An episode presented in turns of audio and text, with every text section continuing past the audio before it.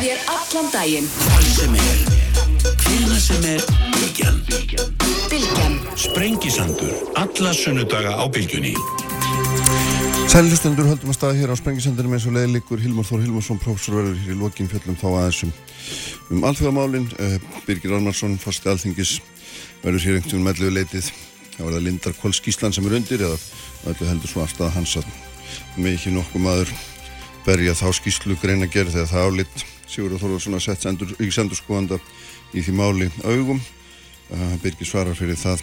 Hér á eftir Hörður Arnarsson, fórstur í landsverkinu verður hér líka fjöllum þá svona þetta ástand sem er að skapast með uh, vegna þeirra ákvarðuna sveitafélaga sem eiga uh, mest undir í virkunum að, að stöðva mist þú stið leifsveitingar svona endanlegar um einhver tíma þar til að lögum og reglum verður breytt en það eru sestar hérna hjá mér til að byrja með Lili Arfriðsdóttir og Þorbjörg Sigurður Gunnarsdóttir Sælar Báðar og velkomnar Við ætlum að fjalla um efnaðasmálin uh, Nú er það þannig að, að ég held allar greiningadeildir og allir sérfrængar sér sammálum og, og, og hérna peninga nefnd Sælabankanskaðun reyndar í skinn síðast á eru það hækkaðar áfram núna þegar það kemur til nýra vexta ákvörðinu sem 22. miðgudaginn þá fara vextir vantilega, já minnst þú veist ég vel yfir 7% og líklega kannski 7,25 og jafnvel. Eitthvað hærra, það er, það er hugsanlegt ef það verður 1% eða 1% styggs hækkun, þá erum við konið í vexti sem hafa ekki verið hærri frá því 2010 verðbólka viðvarandi 60% undirlíðunum hafa hækkað um 5% á síðustu 12 mánuðum og svo get ég haldið áfram að tellja og hérna vinnumarkaðurinn er þannig og svona. En ég minna þetta er bara staðan eins og við horfum fram að nýjan í öngublikinu og svo við þekkjum við óróan sem er á fjármálamörkuðum. Nú spurt hvað gerum við, ef eitthvað þarf að gera eitthvað, á að gera eitthvað þarf ríkistofnum að gera eitthvað, er þið með eitthvað á plönunum, á prjónunum Lili, hvernig svona metur þú, ef þú byrjar, metur stöðuna og, og svona næstu, næstu mánuði ef svona segja? Já, við lifum sannlega á áhugaverðum tímum, það er ekki hægt að segja annað og hérna það er alltaf eitthvað nýtt. Og þessi lýsing þín á því hvar við erum stött er auðvitað mjög raunsæ og er auðvitað svona kníjandi spurning, ég meina hvernig ætlum við að, að ná þessari verbulgu niður? Og að mínu viti þá er þetta samfélagsverkefni og það kvílir mjög mikið á peningaauðvöldum, seglabankunum en einni á ríkisjóði mm -hmm. vegna þess að það er sánspil þessara þáttar og svo fjármálakerfið og síðast en ekki síst vinnumarkaðurinn. Og ef við kannski lítum að þessu að þegar hún nefndir árið 2010 þá er auðvitað staðan núna, hún er auðvitað hún er svolítið öðruvísi vegna þess að nú eru enn að því að verbulgan er hvað 9,9 uh, stýrivextið 6,5 þannig að við erum með neikvæður raunvexti þrátt fyrir allt. rétt, og við sjáum það alveg húsnæðismarkar en hann er búin að vera verulega þannig hann er samt sem áður enn að hérna, búa til verbulguð þrátt fyrir að það sé verið að tala um mikla kólunum uh, ef við bara lítum á það hvað er hvað er hægt að gera? Í, það verður að vera uh, samstilt átak sem við munum sjá á, á næstunni við þurfum að ráðast meira á þess að frambóðslið hagkerfisins og ríkistjórnin er einhverju leiti þegar byrjuð á því til dæmis þegar vorum að kynna þar aðgerðir að við séum að opna fyrir ekkar fyrir sérfæraðing að koma til landsins við erum auðvitað miða að því að e, það er svo mikil eftirspurn eftir vinnuafli að því að háastur er svo mikil og besta leiðin til þess er þá að, að opna og við erum að opna meira inn á svo kalluðu þriðjuríki þar að segja ekki EES-ríki mm -hmm. E, ég hef talað fyrir því til að mynda við myndum að hækka e, lífeyristöku aldurinn og þannig að við getum unnið sko markvist e, e, e að rótum vandans á vinnumarkaðunum en þetta verðum við að gera í samfunnu við aðila vinnumarkaðarins. Ég tel að við eigum að, og, og ég veit að, að veist, þetta samtal við vinnumarkaðin, það þarf að hefjast sem fyrst vegna þess að það er ekki bara verbulgan í dag, það eru verbulgu væntingan sem eru svo erfiðar. Og við þurfum að ráðast á þær eins og sé engi morgundagur. Og svo auðvitað gerist það núna í síðustu viku sem er að mínu mati breyti stöðinu verulega, það er e, fall Silicon Valley bankans og það er eiginlega svolítið svona bara e, svo kallar bara svolítið sjokk inn í peningastefnuna á bandaríkjónum vegna þess að nú þurfa þeir að vega og meta. Mm -hmm. e, ætlu við, sko að því að e, bankin fellur e, meðal annars út af því að það var að hækka stýrivexti já, já. verða á, á ríkiskuldabriðunum þeirra hafið fallið og þeir bara átt ekki fyrir þessu. E, bara svona stuttalýsingin þannig að það mun spila mjög stórt hlutverk og uh, þó að við séum í raun og veru eftir fjármálarunni búin að styrkja bankakerfið okkar verulega, þá er það samt sem að vera þannig að þessi órói hann smitast út um allt uh -huh. og krafan, ástæðanarkrafa og erlend fjármögnun, hún verður dýrari þannig að þetta er líka áfall fyrir okkur og ég myndi halda að, að peningastefnan takja einhver leiti líka með þessu hvað er að gerast á fjármálumörku uh mhm. -huh. Hvernig hérna?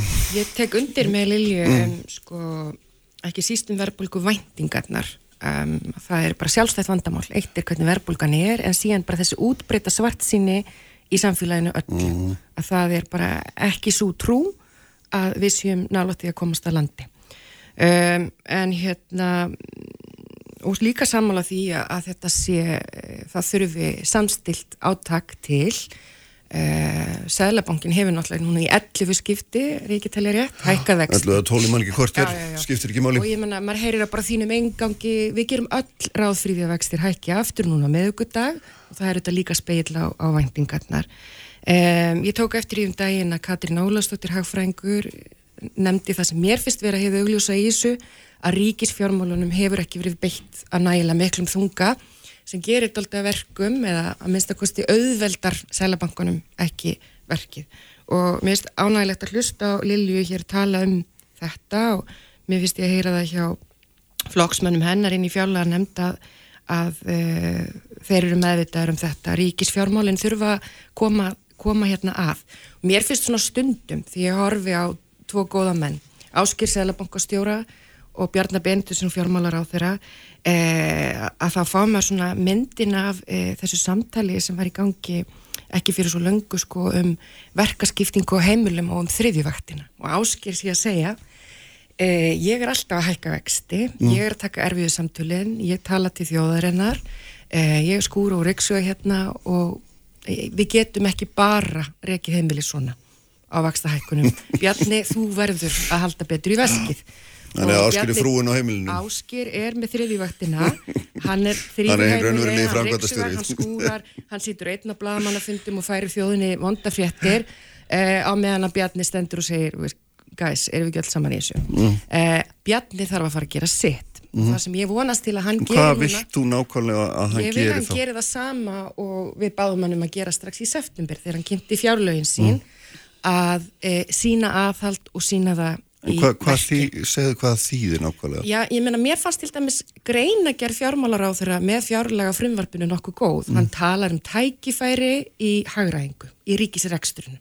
Að við séum þá ekki bara að sko fara í svona auðvelda pólitík, bara klipp út einstakar fjárfestingar, heldur að fara inn í einhverja langtíma sín um það hvernig við ætlum að hagræða í ríkisrekstri. Fjárlega frumvarpið var kynnt með mínus 90 miljardar halla, við erum með 90 miljardar yfirdrætti endar í 120 á þenslu tímum mm -hmm. Lön fjármálar á þeirra og hann segir frá þeim bara keikur eh, er að halda áfram að reyka ríkisjóð með Halla út árið 2027 Hallin var eh, byrjaður fyrir COVID. Þetta er ekki allt COVID-aflengar þannig að ég bara ætla að vera tíma ásker hér í dag og, og hérna mm -hmm. byggja Bjarnum að skilja hann ekki einan eftir. Akkurat, hérna sko það Katrín Jákstóttir var núna, eh, var ekki bara fyrir helgi að tala um að sko hreitniðu skurðu kemur ekki til greina en einhvers konar svona samdráttur í útgjöldum hlutfalslegur ég meina, ríkisjóð, hvernig á að beita ríkisjóðlilega núna við þessi í þessum aðstæðum, því að við veitum það alveg að Sælabankin hefur margsinni sagt bara beint, við erum bara einir stöndum bara einir í þessu einn. Ég, ég ætla nú að byrja á því að segja að þetta er einn eh, skemmtilegasta myndlíking sem ég heist í langan tíma og ég svona, ég veit ekki hvort ég get verið alvarleg eh, það sem eftir lifið þess að þáttar eftir þetta. En ef við byrjum bara aðeins á ríkisverðarmálum og, og, og því sem hér er verið að segja að þá er það þetta þannig að við förum og það er alveg rétt sem kemur hér fram að, að við vorum komin í ákveðin halla fyrir COVID mm -hmm. og nú eru við í, að vinna í því og við sjáum fram á að það verður frumjöfnur fyrir að við gerðum ráð fyrir vegna þess að það er rosalega kraftur í þessu hagkerfi sem er reyndar að búa til þessa verbulgu. Þannig að nú er auðvitað hagstjórnin hún er... Peningarnir flæðin í ríkisjóðu vegna verbulgunar ekki satt? Já, ekki bara vegna verbulgunar heldur vegna þess að það, bara, það er mikill þróttur í atvinnlífinu, við sáum ferðarþjónustan að koma mjög sterk en skapandi greina sem ég hef með kvikmyndiðinnar og fulltar og það er, er mikið í gangi og þess vegna auðvitað er, er verið að hækka þess að stýrivegst og allt það. En að þú spurður um ríkisjóð og hvort að það sé kannski stóri vandin hér þá tel ég svo ekki vera vegna þess að e, við sjáum að e, tekjulegin er sterk og við verðum komin í þennan frumjöfnu, við sjáum að ríkiskuldir, talum ekki um í alþjóðlum samanbörði, eru tiltölulega lágar, en það sem er hins vegar rétt sem kemur hérna fram að við þurfum samt að gera betur vegna þess að ef við ætlum að vinna á þessum verbulgu væntingum þá þurfum við að koma mjög sterk inn í þá umræðu. Og við, ríkisfjármála átlum verður kynnt, þannig að ég er nú ekki einlega að fara inn í það, en það ríkistóðin eru öll sammálum það að það er nöðsöld að fara í slíkt. Lítum til að mynda á bara stopnana umgjörð hins ofinbera mm. það er hægt að hagraða þar það er það sem við erum að skoða það eru, það eru margi þættir sem við getum farið í mm -hmm. til þess að koma, ekki bara sælabankunum heldur þjóðinni uh, til að aðstóða okkur öll við það að ná verbulgunni niður vegna þess að hún er alltaf þannig, hún er vesti ofunnurinn og ég finn það bara að þegar svona verðskinn er farið að dvína Já. þá er bara mikil hætta á ferðum mm. og það sem við erum að gera til að mynda í mínur aðanæti að við erum með samkjöfns og neytendamálin við erum að fara í stór auki samstarf við neytendasamtökin sem verða sjötu núna á, á fymtudaginn og við erum með svo kallað e, e, erum að fara að hafa daglegt eftirlit með allri verðþróun sem er jákvæmt og erum að gera með neytendasamtökunum og, og fleiri stórum og litlum aðilum en en svo eru líka þegar staðan er svona þá tel ég að við hefum líka farið ákveðnar kerfisbreytingar eins og ég var að nefna á,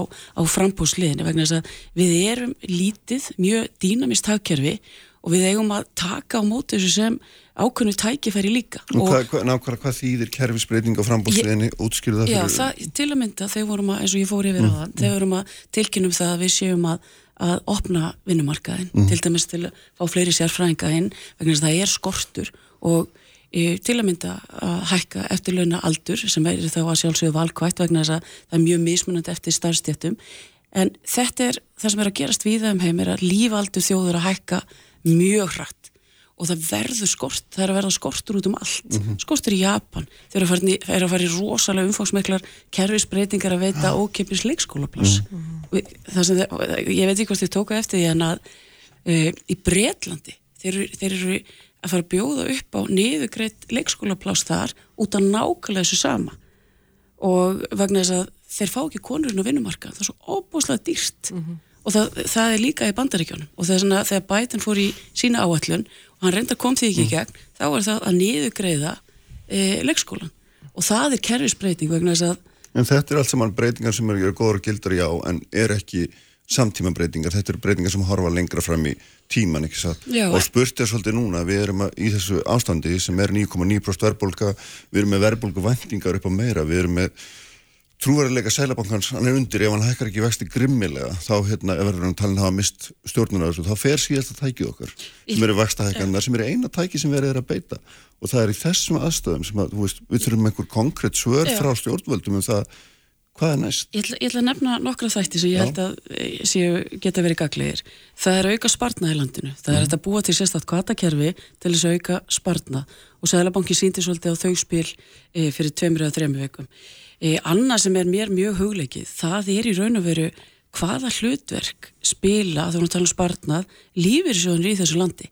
Ef við lítum bara á síðasta ár og það kom mér svolítið óvart að krónaskildi veikja svona mikið en svo þegar maður lítur á hreyfingan á gældirismarkaði þá kemur ljós að lífeyrissjóðanir þeir, þeir tóku út þess að það voru 104 miljardar sem fóru út og sem kemur auðvitað til þess að veikja krónuna auðvitað var eitthvað innflæða á móti en ég spyr mér svolítið þegar við erum í þessum aðstæðum mm. og við erum eigum í svona, það er varnarbárst í gangi og þetta er spartnaður landsmanna og ég myndi vilja sjá miklu skýrara einhvern veginn skýrari þátt ykkur lífur í sjóðana í, í þessu vegna þess að ef við bara lítum að, að þeir væri með meira peningunum inn í landinu og nota það hér í, í þenslu ástandinu sem nei, ber með Nei, nei, nei þeir, það sem þeir geta sjálfsögur mm. gert það er hægt að, að vera með innlánsreikninga það er hægt að, að binda þennan sparna líka hér inn í þessu hagkerfi mm -hmm. til þess að stuðla ekki á því að krónan veikist með þeim hætti mm -hmm. sem hún gerði vegna þess að leið og gjaldmiðli veikist bara eins og alls þar annars þar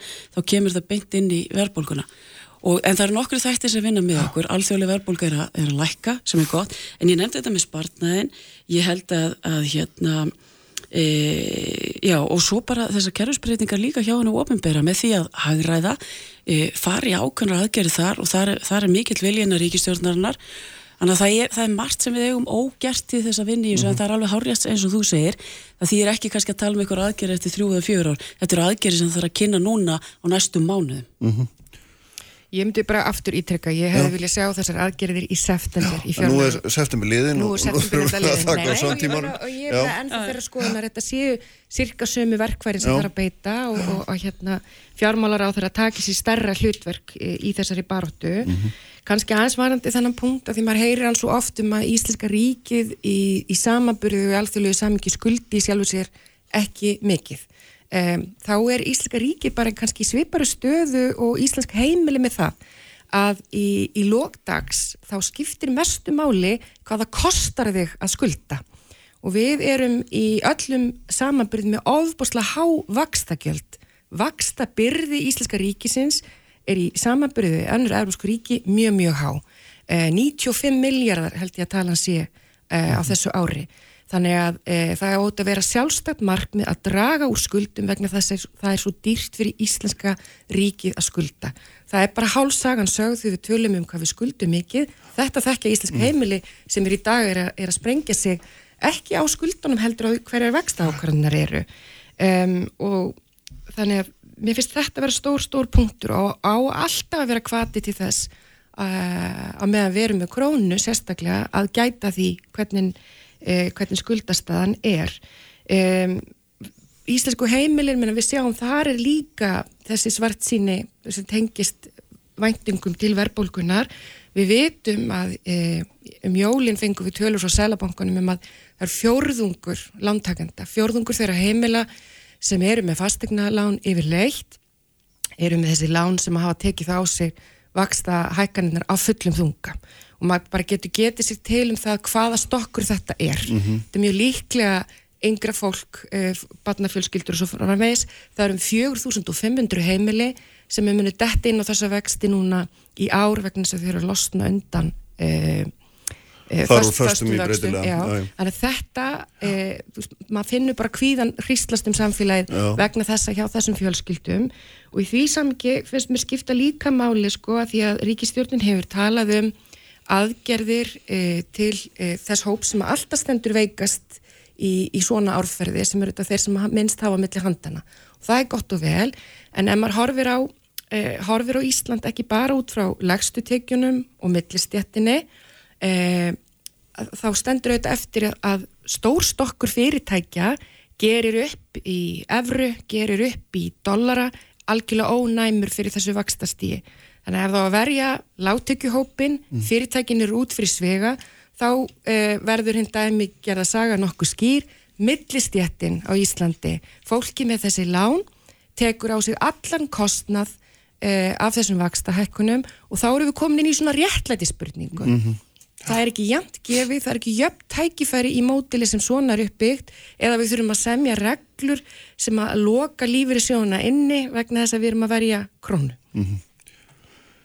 Já, það er margt í þessu Já, ég, hérna, það sem er, e, sem er rétt er að e, fjármakskostnaður Ríkisjós Íslands, hann er á hár og við þurfum að ná honum niður. Hvernig gerum við það? Við gerum það með því að e, til að mynda að reynlega fara í í átak varandi lánsæðis einhver ríkisjós Íslands. Uh, ég tel að, að við séum Erum við vanmetið að borga á, háa vextum eða við getum? Já, ég er, í, ég, ég er ekki nokkur vaf um það. Nei. Vegna þess að við förum í þennan alþjóðlega samanburð eins og ég var að gera og það er alveg rétt eins og kemur hér fram hjá viðmælanda mínum að, að það er raunverulega spurningin líka okkur hvað er þetta að greiða fyrir þessar skuldir. En ef við förum í, í þetta samingi Maður aðeins bara mikil áhrif. Já, maður bara hnyggja þessu vilja sem er svo merkilegt það er svona að segja hérna, Ertu semst að segja það að við höfum vannrægt það að fara út á skuldabriðamarkaðin og segja við þá sem er að lána okkur greiðslu getur okkar á staða er miklu betri heldur en kjör ykkar gefið til kynna Ég er ekki að segja að við hefum vannrægt það, en ég held að við gætum engu að síður uh, farið í smá, tekið svona smá áhlaup á þetta. Vegna þess að við lítum á þessar stóru, þessar stóru þjóðhags stærðir okkar.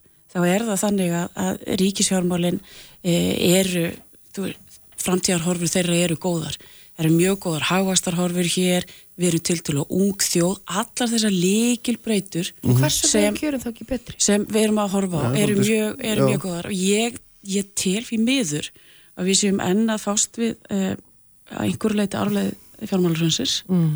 og að og það sé ákveðið álag sem tengist í og það er auðvitað þannig að, að, að það er líka við erum með uh, smáamynd Mhm. og ég tel eins og, ég, eins og þið vitið, ég tel hún hendi okkur þrátt fyrir það, besti bara ítreka það, en, en það er hins og þannig að þetta er, samt, þetta er of hár fjármögnuna kostnaður miða við grunngerð hagkerfisins og ég, það kemur ekki á, ef við ef við þá ná- ef erum við að borga fyrir þetta hagkerfi og hafa fjármarskostnað. Við þurfum að loka á lífrisjóðuna. Við þurfum með raun og vera að halda krónin alltaf í svona semi einhvers konar hömlum, við slum ekki kalla það höftum. Eh, Nei, ég meina, er, það, er þetta ekki bara niðurstaðan? Nei, sko, Ef við ég- ætlum að ég- halda stöðleika lágum vöxtum, þá ég- er þetta bara fylgifiskurinn. Já, en ástæðan fyrir því að ég, eh, sérst, ég og það ég veit að skýrst og ég ætla ekki að fara hérna, þreyt ykkur á einhverjum hérna hagfræðilegum greiningum, en ástæðan fyrir, ástæðan fyrir því er að er, er þessi, þessi, bara, þessi grunngerð hagkerfisins, það er að segja við erum með frekar, útflutningur okkar er frekar fábreyttu við hliðin og stærri hagkerfum og það er mjög gott að hafa þá e, peningastefnuna eins og við erum að gera núna og hún sé sjálfstæð. Vegna þess að til að mynda Íslenski Sælabankin hann byrjaði e, á undan að hækka stýrivexti. Ef við værum í lágvaksta stýriumkörfi eins og er á efrisvæðinu þá væri þenslan miklu meiri og verbulgan væri, mei, væri meiri að mínu mati. Ég get hins vegar ekki lokað augun og gagvast því að við erum með mjög litla mynd og hún kostar okkur líka. En þegar maður vegur og metur þetta þá tel ég að sé betra á króna. En, en, en, það sem, en það sem ég held að sé og er rosalega mikilvægt í þessu er alltaf eins og fyrir samfélag eins og okkar það er reynilega að vera á tánum meta alltaf stöðuna eins og núna. Ég meina verbulgan er stæðstu ofunurinn við getum farið í kerfisbreytingar bæði núna og til framtíðar og svo líka að kynna það gagvast þeim sem eru að meta lánsafið þetta er svo mikilvægt, þetta, þetta skiptir ekki bara ríkisjóðmáli, þetta, þetta skiptir þetta, hérna, hérna bankan okkar máli, þetta skiptir heimil og talandum heimil og Þetta er grundvallarbreyta fyrir heimilin. hérna, var mjög gott hérna innleg hjá Þorbyrgu uh, og enn og aftur hérna myndlegging nummið tvö frábær varandi heimilin og ríkisjóð að e, ég tel að heimilin séu líka að, að greiða og hátt og ég meina við erum með vinnu núna í mínu ráðanetti þar sem við erum með djúb greiningu á því bara hvað er að gerast, af hverju er þessi kostnaður svona mikill? Og uh, ég vonast til þess að skila því fljótlega og ég vonast til að sé líka bara góð umræða um það hvað við erum stödd hvað að við séum að heimilin sé að borga alltaf háa vexti. Meina, En ég- það er það sem við ætlum að reyna að fara að skoða þetta. Já, ég meina, ég, ég, ég meina, við þurfum að skoða þetta vaksta ála og svo er annað. Mhm. Ég meina, er ekki líka einhver, er ekki líka einhver spartnaður í því að, að til dæmis að, að bankanir getur unnið, sko, á þess að, að komi eitthvað inn á samkeppni betur varandi e, tækni, lausnir og annað slíkt í þessu Mhm. örhagkerfi. Við þurfum að, það þurfa allir að fara í, að segja, það þurfa allir að fara í megrun, er það, má segja það, ég bara spyr. Það er bara svo leiðilegt að vera í. En hérna, Við leiðum þá orðalag. já, en sko, varðandi þetta með, e, sko, að við getum verið með ennþá herri verbulgu, þá finnst mér það alltaf standa eftir spurningin, af hverju þurfum við margfaldar vakstahækkanir til að taka á svipari verbulgu Því að hagvöxturinn er miklu meiri hér heldur en Já, ég meina það, ekki? voru að koma ágætis tölur um þetta frá BHM í vikunni um að þegar tekið tillit til fólksfjölgunar að þá er það bara ekki þannig að hagvöxturinn sé endilega meira á Íslandi heldur verið að með tilliti til fólksfjölda uh, áhrif ferðarþjónustuna þar um en engu að síður að því að reikningurinn fer til þessa millitekjuhóps sem er að kaupa uh, húsnæði, reyna að eignast íbúð eða hús og er á þessum ógnarháu vöxtum. Og þarna finnst mér þetta, ég veit að við Lilja erum ekkit sammála um krónuna, mér finnst bara gott að geta rætt þetta mm. að því að fólk fer einhvern veginn alltaf í einhver, einhverja stellingar þar sem að þetta verður bara keppni um hver notar stærstu orðin. Þetta er bara grundvallar debatt sem þarf að fá að eiga sér stað að því að síðan skoðu við líka hverjar eru afleggingarnar af svona miklum vakstahækkunum hvað er að gerast inn á húsnæðismarkaði og inn á fastegnamarkaði þar þarf fjármálar á þeirra líka að svara fyrir það eh, þú veist, hverjar eru varnirnar gagvart afleggingum svona mikilla e, stýrivaksta hækkanar. Þú veist, við erum með markmum það að hér er að byggja 35.000 íbúðir á næstu tíu árum. Byggingabransin er á leið í frost vegna þess að eftirspurning hverfur. Ungt fólk kemst ekki inn á markaðin. Ef þú átt ekki pappa eða mömmu sem getur græðið fyrir útborgun, þá ert þú ekki að fara að kaupa íbúð eins og sakir standa. Og ég meina, við erum í ringrás á þessu leiti. Þannig að við sjáum fréttir af þessu. Verktakar að byggja, það er engin að kaupa þær.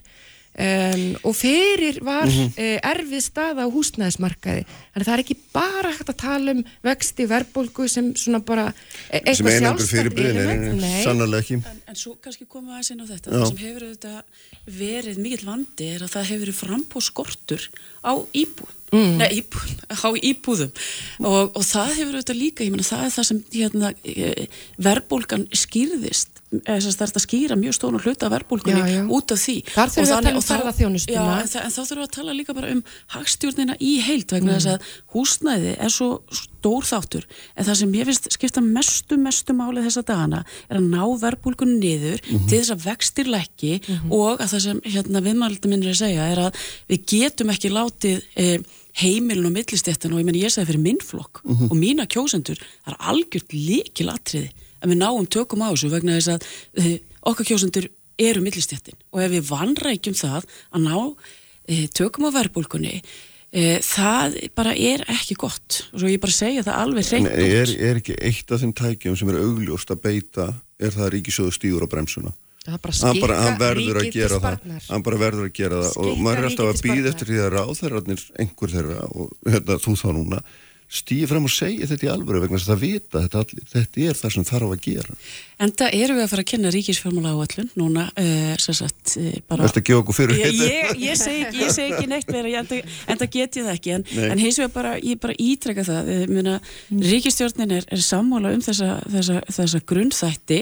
Uh, við gætum haft mismunandi skoðun á til að mynda eins og, eins og tekjuhliðinni og það er alveg, ég veit alveg hvað mér finnstu þá ég meina eitt af því sem ég er að fara að kynna er til dæmis uh, við erum að fara að hækka skatta á skemmtifæraskip og til að mynda að því að hérna e, Þorberg kom inn á ferðarþjónustuna, ég menna við telum að það sé mjög mikilvægt og það er, það er eitt og annað sem er hægt að líka bara gera betur í ríkisfjármálunum og, og hlutverk okkar núna ráðurna er að líta mjög mikið inn á við í okkar ráðunetti og sjá hvað er hægt að spara, hvað er hægt að samina, hvernig getum við gert hlutina betur. hefur talað fyrir þessu að samina, en ferðaþjónustan er þetta líka mjög stórt púsl í samingi við það að það vanti húsnæði uh, á höfuborgarsvæðinu öllu, vegna þess að það er þetta mjög mikið enginn á þeirri atvinnugrein að hún hérna, hennar aðfengu eru Já, húsnæði. já, já, en eitt liðlega hérna, ég veit þú þarf að fara, en eitt það er bara því að við, að því að við erum hérna við lögadalinn og það er svona því að við erum að tala um trúvaruleika og sparnaríkisins og svo framvegis að hérna fyrir sveitistunarkostningarna síðustu voru kynnta áfram að byggja hérna þjóðarhöll fyrir 8 miljardar svo liðið nokkri mánuður þá kostar hún 16 miljardar og hérna í mittiltíðinni var sko þinn formaður búin að segja að það er það frestinni að því að það væri alltaf mikið þensla í hagkerfinu. Svo koma menn bara galvaskilt baka og segja nei við byggjum nú samt og stækka hana um helming sko. Og hérna tvöfaldan öllu heldur væri réttar að segja. Og, og mér finnst það svona hvernig er nú svona venjulegu jónut í bæ að skilja þetta tal um sparnað og að, aðhald?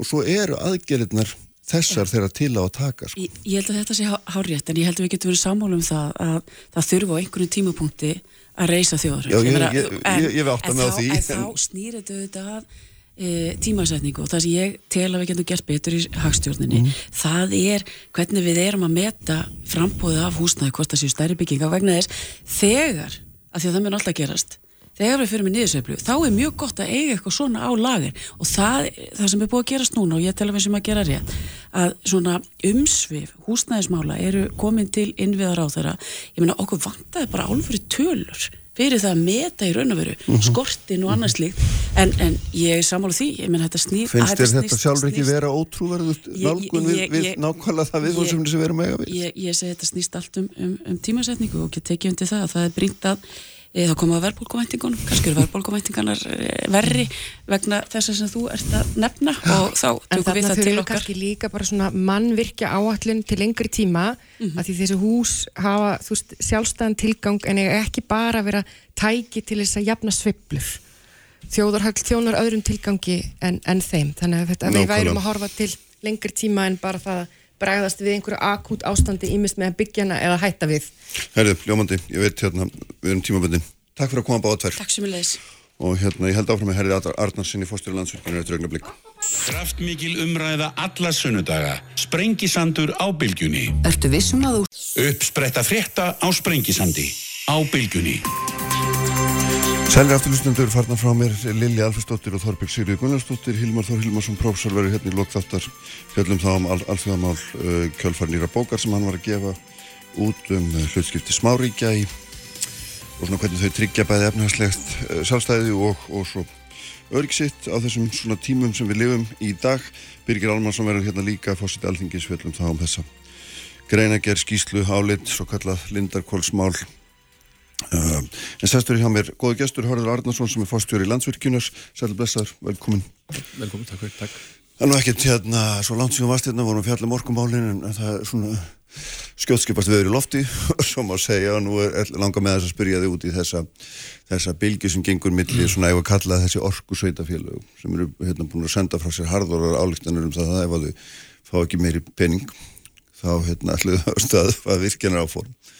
það maður, er ekki, það er ekki hlægand að þessu. En, en ég meina þetta vilist að vera full alvara með. Uh, hérna, hann var hérna Haraldur uh, fyrir viku skeið og gnúparirhæpi saði bara stopp. Mm.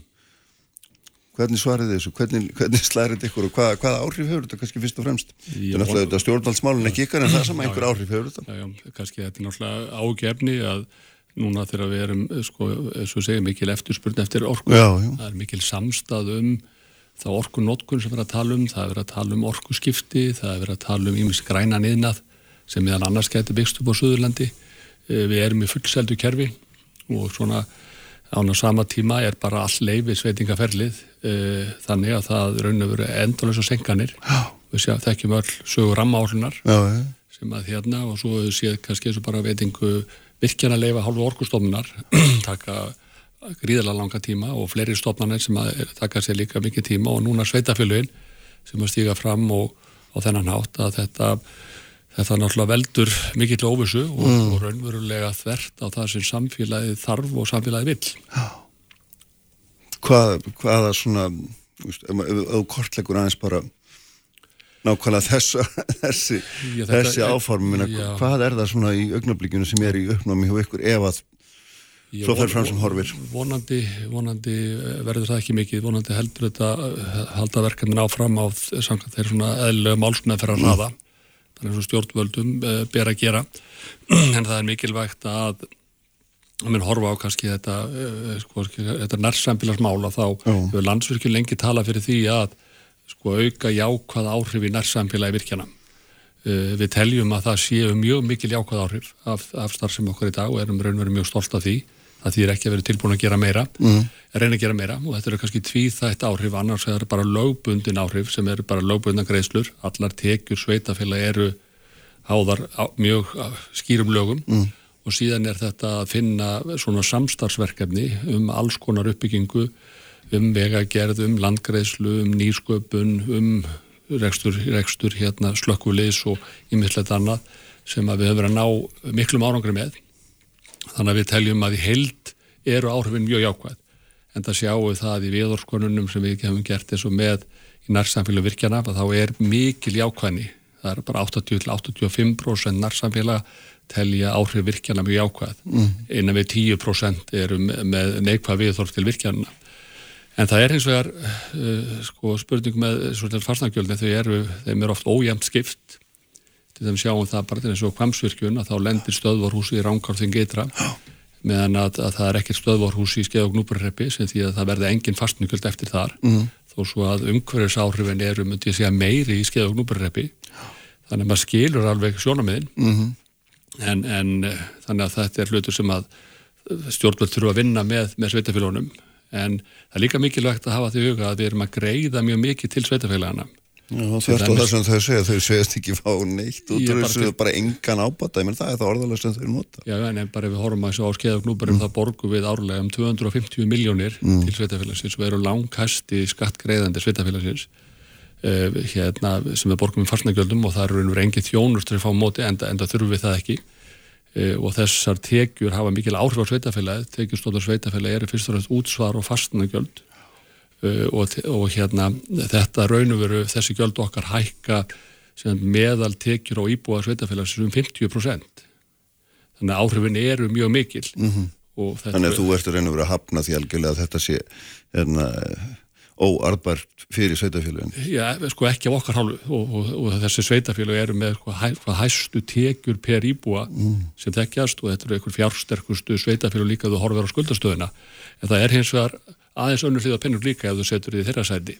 Þegar síðan kemur jöfnun á sjöðu sveitafélag einn og hann er ólíkjönda tól tekur á þeim allan ávinningin og, og, tekur, hann, hann hérna, og það er það sem stjórnult er að skoða. En það er raunverið snýr ekki að orku vinslunni þetta er, þetta er samskipti sveitafélagina við, við ráðnetin e, og þetta snýr hildi líka mikið bara um alls konar tókströð um saminningu sveitafélagana þessar en, en eh, landsverkin er að greiða gríðilega mikið til þessu sveitafélag og við erum bara stolt af því. Mm -hmm. En, en má, við erum samt með að markmið að auka jákvæð áhrif á, í nærsefali, ég held að það sé mikilvægt. Mm, sko það er, það er langur vegur á milli þessar tölur sem að þið greiðið á landsvísu, 1 miljardur og þeirra tölur sem að sveitafélagin segjast eiga geta fengið sem eru 16 mm. miljardar.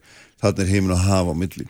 Já, ég, ég verður að segja að ég skil ekki þá tölu, hún, það, hún á ekki neina stóð í, í hérna lögum með fastnægjöld og orku, orku fyrirtækin er að borga mjög sambarileg fastnagjöld og önnur fyrirtæki. Mm. Vissulega eru margar eignir orku fyrirtækja sem eru, við getum tekið fyrir, bara eignir eins og jargöng, frárensli skurða, borhólur, fallgöng, eh, ráfbúna, vélbúna mm. sem eru ekki andlag fastnagjölda. En, en þau vilja fá greinlega inn í þetta en, en það var það að vera að gjör breyta sko fast með gælt sugtækinu og það er ymsar aðrar yngreinar og ofnbyrra aðlar sem eru með svona eignir og þær eru aldrei andlag fastnagjölda við getum takt bara snjóflóðagarðar hafnarmannverki, brýr mm fjarskiptamörkur skurðir á, á bændum. Þetta er ekki andlag fastnagjölda þannig að það er ekki rétt að, að, að orkufyrirtækin hafi verið að fá umtalsverða afslætti í fastnagjöldum ef að stjórnvöld hins var ákveð að breyta fastnækjum, það, það er alltaf að gera það. En það, það er þá bara á skjön við það sem allar aðrar, allar aðrar greinar að gera. Og ég held að fastnækna gælda leiðin sé ekki góð leið til þess að fara til þess að sé, rétta hlut sveitafælega því það lendir svo ósangjant, sérstaklega mm -hmm. Þá getur vindorka verið einu sveitafélagi og fengið þá heilmikið fastnækjöld, þetta er alveg um lögum með breytt. En áhrifin í hinu sveitafélagunum eru mjög mikil sem fá ekki neitt, þannig að svo leið er ekki góð. En það er algjörlega, algjörlega rámt að mínum að, að tala um að það, það senda að fastnugjöld hafi haf verið veittir verulega afsluti það, það, ekki, það er ekki bara stennst ekki skoðun. Nei, ég held að þessi búið að reikna það út að hálfu sveitafélagana þessara sem umræðir að þau eru önöfuru þau eru önöfuru hafið tryggt landsvirkjun hagnað af sínu rekstri með því að gefa þeim þennan svo kallar afslátt af fastingugjöldum og það, það sé hérna annars væri landsverkinn bara ekki menni þagna þá er nú tekið yfir eitthvað ára bil sko, ekki alveg síðustu árið þessum bestu við gengið. Það stemt ekki skoðan ekki með við núvarendur lögum fastingugjöld en hins vegar eh, sko má alltaf velta eftir hvort að ég breyta lögum fastingugjöld mm. en, en þá ættum við líka á skoð og ég ber að milla annar greina en þá var að vera að leggja fastingugjöld og orkuðina en sem er algjörlega skjön við allar aðra álægningu fastingugjelda mm. Og raun og veru væri það, það ekki búin. En það myndi alltaf bara draga úr því, draga úr þeim arði sem þið greitu til ríkisins allir það sé nú ekki það sem það var ekki fyrir þeim að reyna að dreifa þessum ekkurum svona, ég var að segja sangjarnari hætti Já, já, en, en, en hérna ef að, ég held að það sé það spurning sko, ef við horfum aðrar yngrein er það, það að gera, gera sveitafélag tilkall til arðs úr öðrum yngreinum mm. sko sveitafélagin eru það var, það var alveg nýleið sem var í farin en við, við styðjum eins og alveg eins og við ítrykka sagt að, að eh, sko, auka áhrifin nærsamfélaginu En, en að gera það eh, sko, með svona aðgjörnum eins og að gripa í trúna með að stöðva skipilarsfelli mm. Eh, það er eh, mjög umhersun að vera varhugaverð leið verðum að muna það að sveitafélag eru stjórnvald þau hafa völd, völd fylgir ábyrð sko líka það gildur með stjórnsýrslög mm. þannig að þurfa að vera málafnileg sjónamið þegar að gripi til svona að tengja eitt mál við annað óskilt mál.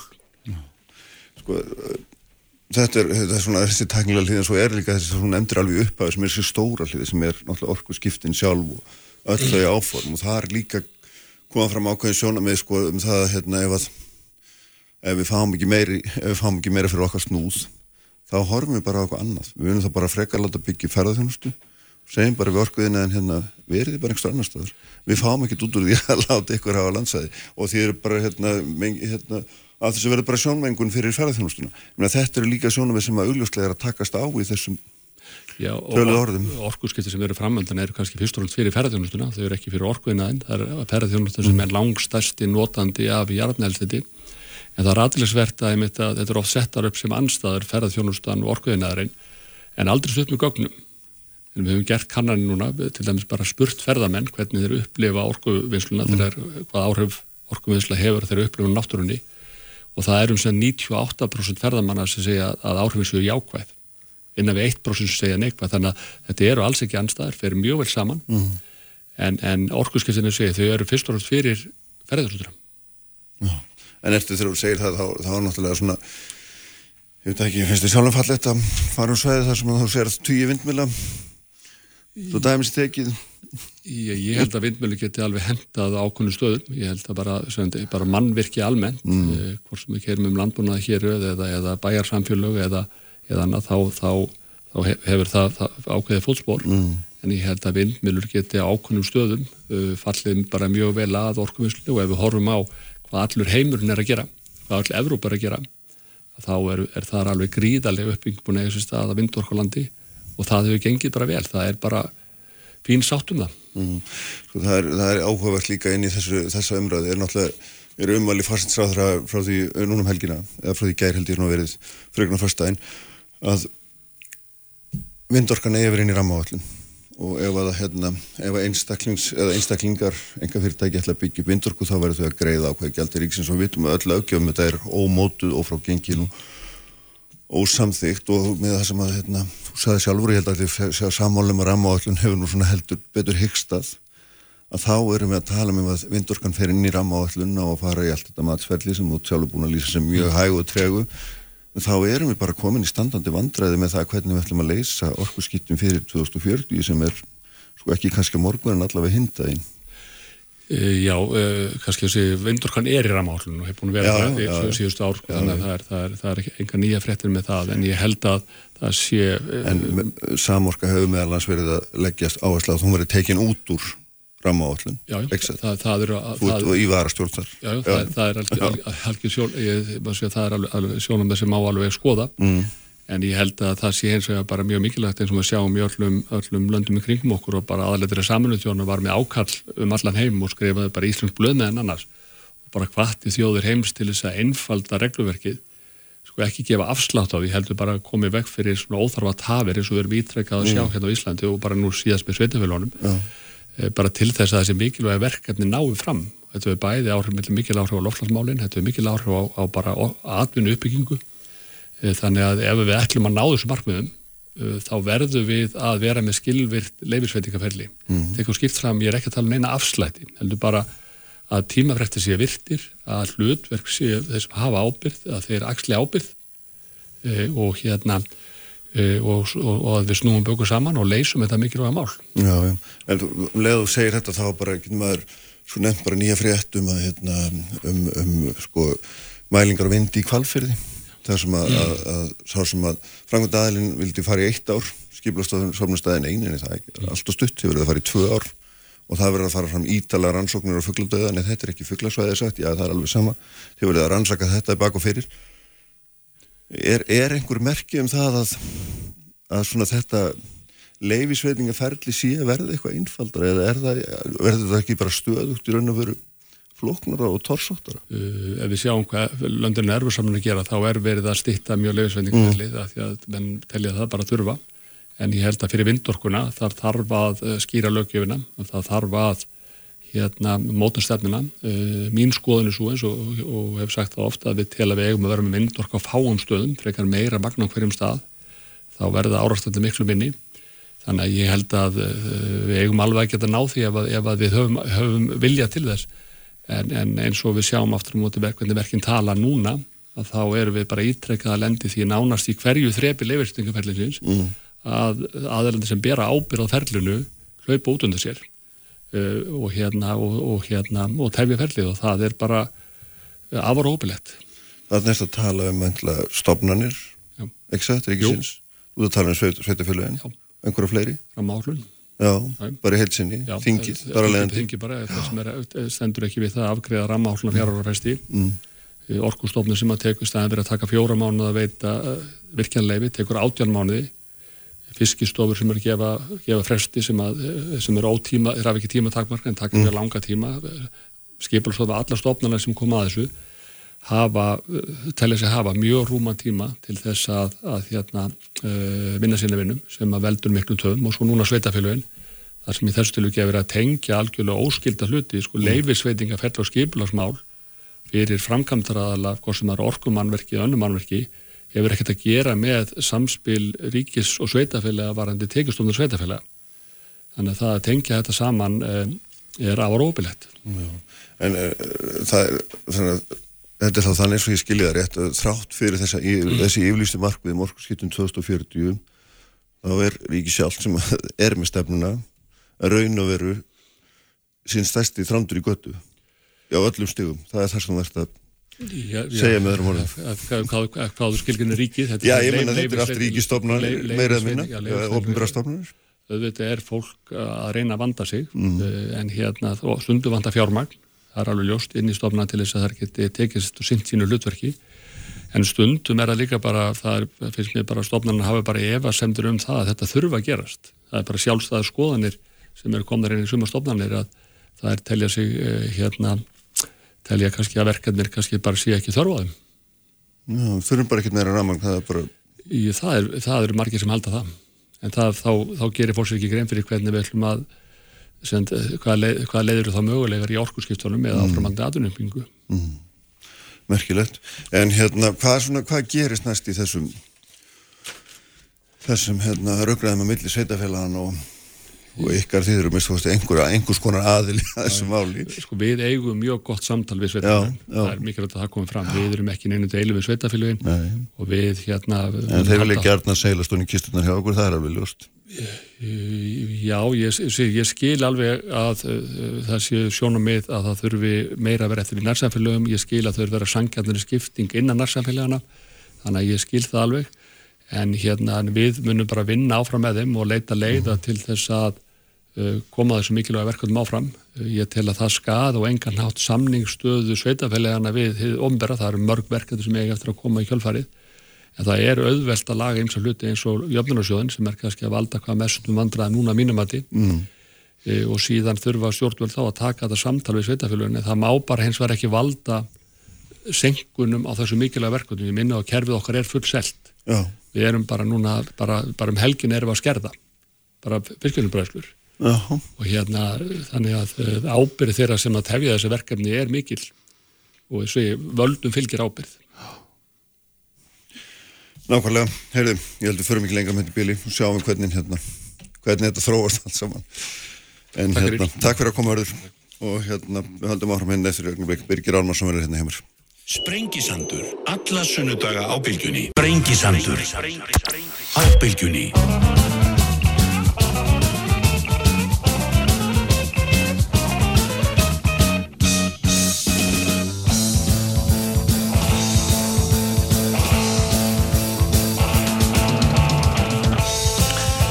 Sælir aftur lustundur, höldum áfram hér sem leiðleikur á Sprengisandunum í lokþáttarmæti til mér Hilmar Þór Hilmarsson, professor við Háskólan á Akureyri, hann er nýbúin að gefa út bók þar sem fjallaður um smárík í Evrópu svona á nærsvæði okkar getur við sagt. Og svona er það að velta þar fyrir sig þeim dansin sem þau þurfa að stíga með stórveldunum til að tryggja bæði öryggi sitt og efnaðslega velferð og það eru auðvitað mikla breytingar í heimsmálunum, uh, ekki bara Úkrænustriði heldur margt annað sem er í gangi. En, en uh, sestur nú hins vegar hjá mig núna Birgir Almansson sem er auðvitað fórseti alþingi sætla blessaði Birgir og velkomin. Sælis. Sko það er þetta skemmtimál, Lindarkválsmáli sem er langað að ræða við uh, Við höfum heyrt í við höfum heyrt í, í mjög mörgum um það. Og flestur, flestir hérna, tala hátt að skýrt uh, og gaggrín þeim mjög mikið fyrir að byrta ekki þessa hvað ég kalla það, skýrslu, greinagerð, álit sett sér ekki sendur skoðandi allavega frá 2018 í þessu Lindarkválsmáli þar sem fjallaður um, um uh, meðferð á, á sölu egna ríkisins sem eru nú arlið af fjármálhrunnu og já stóra spurningin er nú bara þessi. Af hverju hérna, af hverju leggstu gegn því að þetta sé byrt í grunninn þá, þetta er auðvitað eins og nefni sko, þetta er auðvitað búið að vera uh, álita mál og, og tekist á um þetta í raun og veru á ýmsum vikstöðum alveg frá 2018 uh, eins og þetta horfir við mér þá er kannski grunnspurningin í þessu varðandi þetta tiltekna skjál uh, hver hefur forræði á því Já. og uh, þar hef ég tekið marka á því þegar að ríkis endurskoðandi bæði reyndar sá sem nú sittur og forveri hans uh, hafa uh, litið svo á að þarna væri um að ræða skjál sem væri á forræði ríkis endurskoðunar og það væri þá í höndum þess embættis eða þeirra stofnunar að taka afstöðu til þess hvort um byrtingu á þessu vinnuskjálum er að ræða. Það er kannski rétt að hafa í huga sko að, að, að þetta uh, mál þarf að segja eftirlit ríkisendurskoðunar með uh, stærðsemi Lindarkóls var auðvitað ákveð á grundvelli sérstakra laga. Uh, þar var ríkisendurskoðun falið ákveði hlutverk. E, sá sem var ríkisendurskoðandi á þeim tíma gæti ekki sendt verkefninu vegna þess að hann hafði fjölskyldutengsl við stjórnamann í Lindarkóli þannig að það var settur sérstakur ríkisendurskoðandi til að vinna það mál þanga til að verkinu væri lokið eða þar til forsendur vanhæfis væru ekki lengur fyrir hendi. Það gerist síðan 2018 að, að nýr ríkisendurskoðandi er kjörinn og hann er ekki vanhæfur eins og forverið hans þannig að hann tekur við verkefninu þarna vorið 2018 mm -hmm.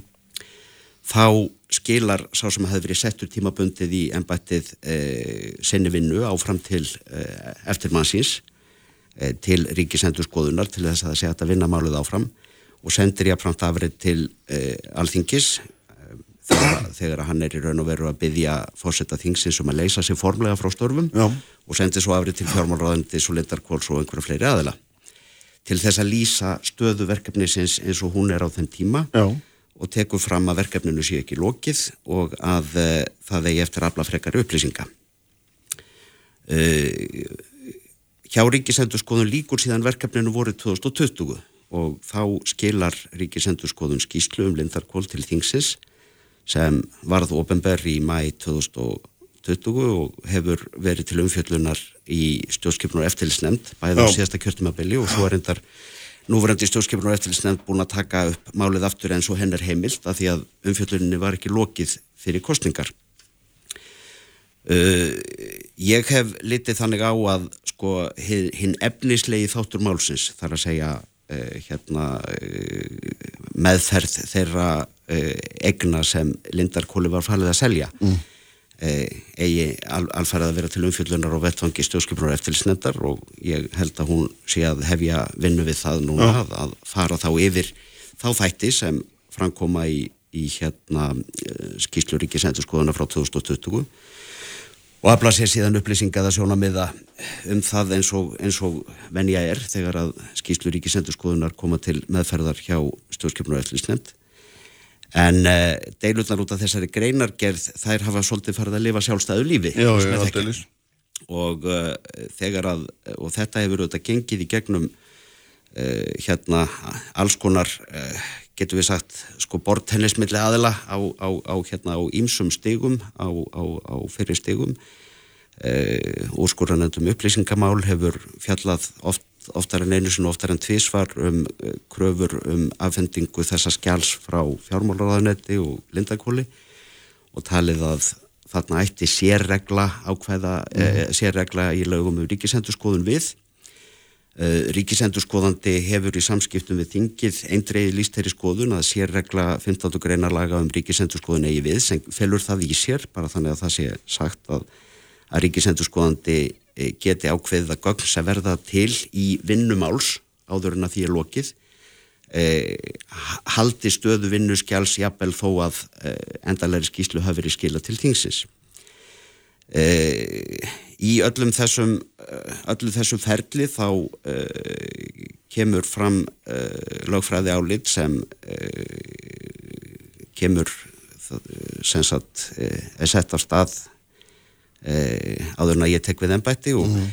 og sáláfrængur sem það vann ágættum aður, hann komst að þeirri niðurstöðu að, að þrátt fyrir þetta ákvæði Já, sem sagt um, ríkisendurskoðunar eh, hérna- Flóki Áskis og Lómaður Já, einmitt. Að hann komst að þeirri niðurstöðu að, að, að, að alþingi geti sagt afhent þetta skjál, Já. gert á ofinbert en uh, svo afstafa sem byrtist í hans áliti fer gegn bæði fyrri álitum sem uh, fórsetisnefnd hafi haft til umfjöllunar eða byggt á og uh, eins uh, gegn sko eindregnum andmælum ríkisendurskoðanda -hmm. og þar er auðvitað bara staða núna sko. og ég uh, sem fórseti þingsins þarf á endanum að taka afstöðu til þess uh, tek ég hérna mið af þeirri niðurstöðu sem kemur fram í þessu lögfræði áliti eða öðrum álitum og öðrum lögfræðilegum sjónamöðum sem hafa komið fram í málinu og uh, ég hef líst í oftar en einu sinni í þinginu að ég telja að það sé mjög erfitt fyrir mig að ganga gegn eindregnum, eindreginni afstöðu ríkisendurskoðanda í þessu máli sem hefur komið fram í gegnum ferilmálsins og nú síðast bara með yfirlýsingu sem hann byrti á heimasíðu sinni núna í byrjun mars Já. Það sem hann telur að uh, það sé alveg góð Þannig að þetta er í raun og veru þá, þú ert að segja mér, þetta er ekki í þínu verkarhinga Ég ef að hann segir nei. nei, þá, þá Já, hefur, þá- hafir þú ekki Já, umbóð til þess að gera þá, neitt eða hvað. Þá þyrti ég í raun og veru Já. að uh, sko uh, vaða yfir hans afstöðu, getur við orðað svo. Aha. Og ríkisendurskoðandi hefur bent á að í því geti falist sko aðför að sjálfstæði embattisins vegna þess að það er auðvitað þannig að þó að ríkisendurskoðun heyri lögum samkvæmt undir alþingi þá er mjög skýrt að ríkisendurskoðandi er sjálfstæður í störfum sínum og alþingi, hvort sem það er fórseti, fórsetisnemnd eða þingið að öðru leiti, það er ekki að sko eh, endurskoða afstöðu ríkisendurskoðanda. Ég meina við tökum ekki ákvarðanir ríkisendurskoðanda og þeim við hjá okkur. Eh, með því væri sjálfstæðið í raun og veru virta vettu í þannig að það er, það er þessi vandi sem uppi er og, og hérna og svo auðvitað sko blandast inn í þetta fullt af einhverjum hliðarsögum og, annað þess áttar en, en í mínum huga er þetta hinn e, raunverulegi kjarnimálsins. En er forræðið, er forræðið á því að byrta þessu skjali hjá ríkisendurskoðanda eins og lögum ríkisendurskoðum Mm. hveða án eða vegna þess að skjalið e, barst sem fylgiskjal með brefi til e, fórseta alþingis 2018 verður það þar með e, að einhverju nýju gagni, sjálfstæðu gagni sem lítur einhverjum öðrum lögmálum heldur en því sem liggur hjá ríkisendurskoðun Að Þetta er hérna, veist, það er vandin í þessu og, og, og hérna svo þannig að náttúrulega þetta er sannarlega að deila um formsatriði. Það, það, það er, við erum ekki, við í fórsættisnefnd erum við að geta fjallum efnislegt inni hald og einn eða neitt hátt sko. Við erum í raun og veru bara að velta fyrir okkur hvort að það sé heimilt að aðfenda þetta skjalið ekki. Og það eru þetta eins og hefur komið fram óbembilega hafa verið skipta skoðanir en, eh, en, en en skadar það einhvern í ljósi allra þessara hliðarsagna sem þú ert sjálfur að nefna að er það ekki bara lang skada er það ekki hérna, lang skada minnst að byrta þetta bara, er það ekki, er Já, sko, þá ekki úr auðvitað- hvaða áhrif myndi það, það hafa? hefði, það hefði auðvitað verið þægilegast fyrir mig skilur að Já. gera það þannig. En hvað áhrif myndi það hafa? Já, það hérna- gæti en- haft áhrif á sjálfstæði ríksendur skona, ég meina, Já, en hversu, mikið viðtengar háttur er það, skilur það gerir það vegna þess að það eru um það að ræða að, að afstæða ríkisendurskoðunar hefur komið skýrt fram. Mhm. lögin um ríkisendurskoðun uh, og sérákvæði um þagnaskildu þar ganga framar almennum lögum um upplýsingarétt uh, sem gildað öru leiti og uh, ef við ákvaðum í þessu máli að hérna að vaða yfir ríkisendurskoðanda eins og ég myndi orða það mm. þá hefði það uh, vissulega fordæmisáhrif og ekki, ekki ákvæð held ég Það myndi þá þýða það að allt sem að ríkisendur skoðandi sendi alþingi og vildi alþingi skoða en ekki byrti, gæti alþingi ákveða að byrta og hann geti aldrei verið viss. Ertu að já, lýsa eða, einhverju e, slíku? e, já, já, eða bara almennt þetta að, að almennt þetta viðhorf að endanlegar ákvarðanir ríkisendurskoðanda um Mm. gögn sem er á hans forræði séu ekki hjá honum, heldur að það sé nánast hægt að áfrýja þeim til þingsins, sko Já.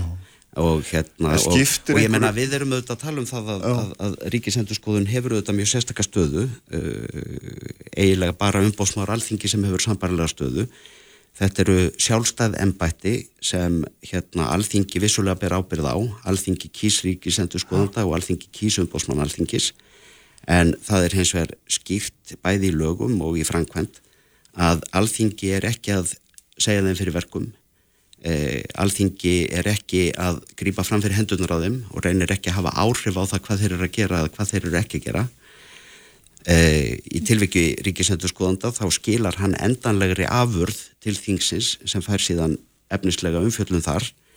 En, en forræði yfir ákvörðunu sem eru teknar í sambandi við framkvæmt hans eftir því starfa mm -hmm eru hjá honum en ekki hjá þinginu. En skiptir einhverju máli í svona tilviki að því að þú veist að það er líka uppi grunnum það að það sé eitthvað í þessari þessu áliti, skjali, skíslu, greinagerð, hvað er það að kalla þetta sem stangist að einhverju leiti á við það sem framkýmur í þessari ofinberu skíslu.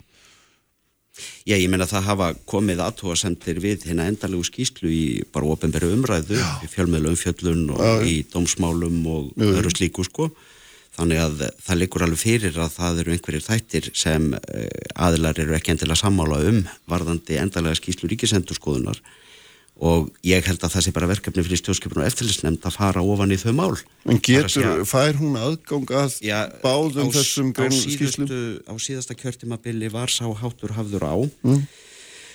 að eh, nefndarmenn í stjórnskipinu og eftirlisnemnd höfðu aðgang að þessari greinargerð frá 2018 og gáttu skoða hana.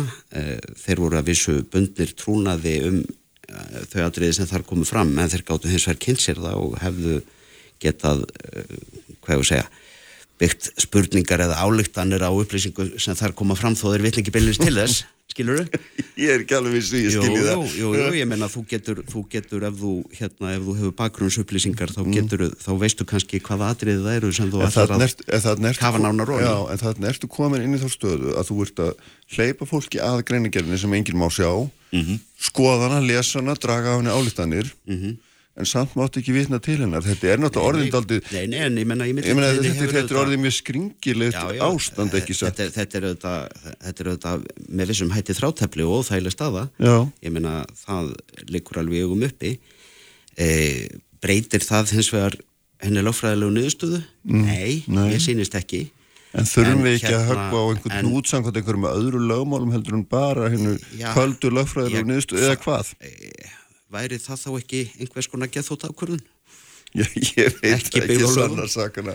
Ég, nei, ég segi svona, ég meina það er auðvitað, það auðvitað þessi vandi sem, sem við stöndum fram með fyrir í þessum að eh, hérna að, eh, að þarna eru vissulega um að ræða deilumál og álitamál en ég myndi hins vegar að segja sko að, að stjórnskefn og eftirlisnemnd á að hafa öll tök á því að fjalla um skýslu ríkisendurskoðunar frá 2020 og getur auðvitað byggt á alls konar hlutum í sambandi við það hvað hún telur að þurfi að spyrja nánar úti eða fara nánar úti í, í sambandi mm. við þá skýslu Já. meðal annars eh, alls konar fjölmiðlumfjöldun sem hefur átt sér stað og svo fjall nú dómur fyrir helgi í dómsmáli sem hefur reygin út að fluta þessa máls Já, og uh, varpar kannski ljósi á einhverja þeim álitamálum sem þarna hafi verið uppi. En þarna þurfa að mynda aldrei svona geti, geti eðurnar og, og, og alltaf hinum eina þessum lagfræðilega þessari lagfræðilegu vogastöng er einhvers konar hugmyndum, einhvers konar svona uh, almenna upplýsingu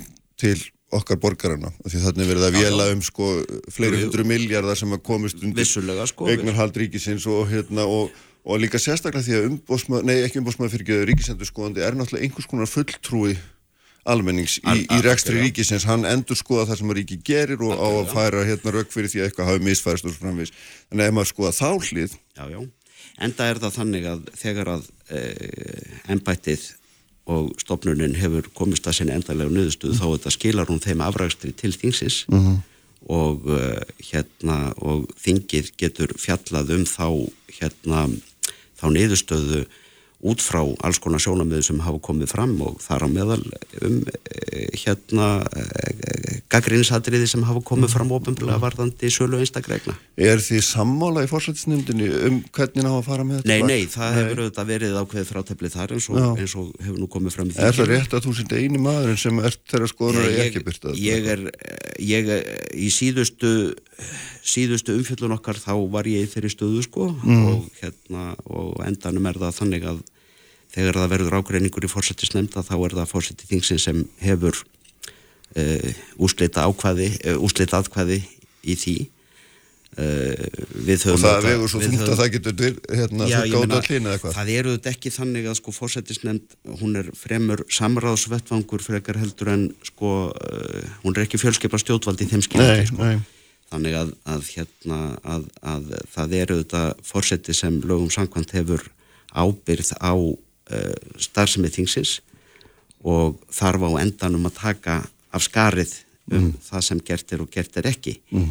þannig að hérna þannig að e, það er í raun og veru eitthvað sem ég get ekki vísað annað sko. Nei og það, það fer ekki fram í neinum skilningi einhver svona atkvæðagreyslu en slíkt í fórsættisnefndinu sem að eftir, það hefur óskað eftir atkvæðagreyslu en hefur hún þá einhver svona einhver formlegt gildi eða hvað? Hún ræður ekki formlega úslitum sko Nei en hérna en fórsetin gæti byggt sundi meirluta viljan ef hann kísi svo eða hvað já, já, já, ég meina að vissulega sko já. en það er auðvitað þannig að, að uh, ákveði þýrskapan eru skýrum það að það er fórseti sem ber ábyrð á stjórnsýslu þingsins, það er fórseti sem hefur úslitað hvaðið mm. í fórsetisnefnd ef ákveð einingu verður en uh, hérna en, eh, en sko, í þessu sambandi já, sko, þá já. þarf kannski líka að hafa í huga að sko uh, þegar að uh, deilt hefur verið um þetta skjál eða afhendingu þess á öðrum vikstöðum að þá hafa með leita til uh, sko úrskurðanendar um upplýsingamál já. sem hefur í raun og veru síðasta orðið hvað varðar afhendingu gagna úr stjórnsýslunni alþingi er ekki undir úrskurðanendinni þar að segja úrskurðanend á stjórnsýslu stígi hefur ekki lögsögu yfir þinginu.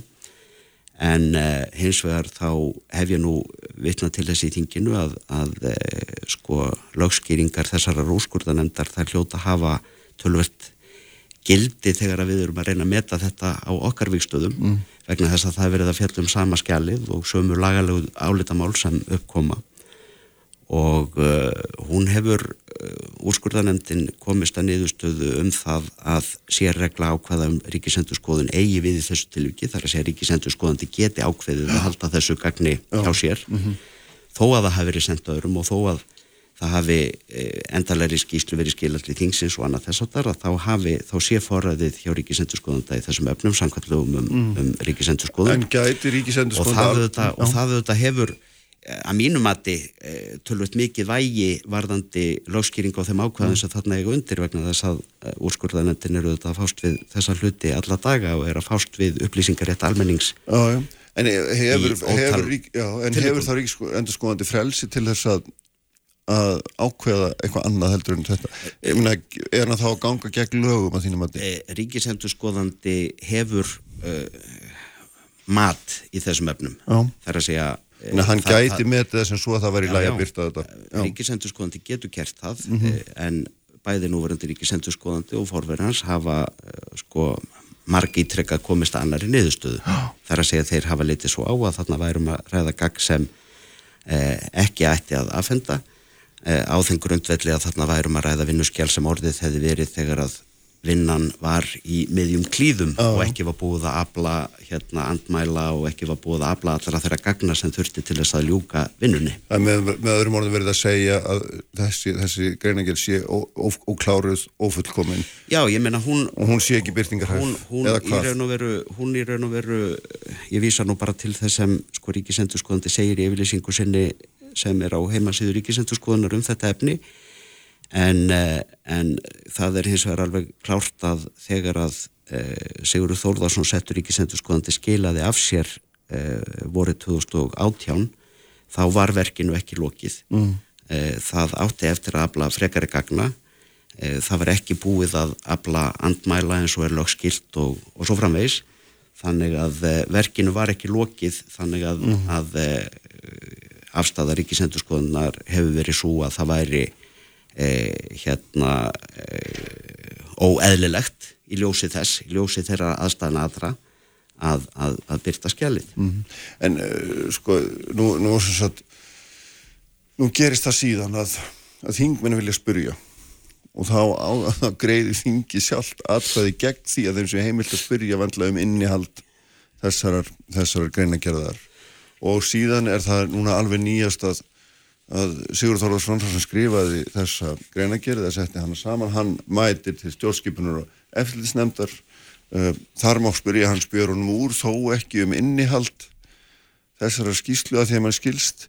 Þannig að þetta er allt saman það er verið að fara eins og köttur í kringum heitan gröð syngt og heilagt verið að eitthvað megin að finna finna einhver svona finna einhverju hólu til að fara onni og leita.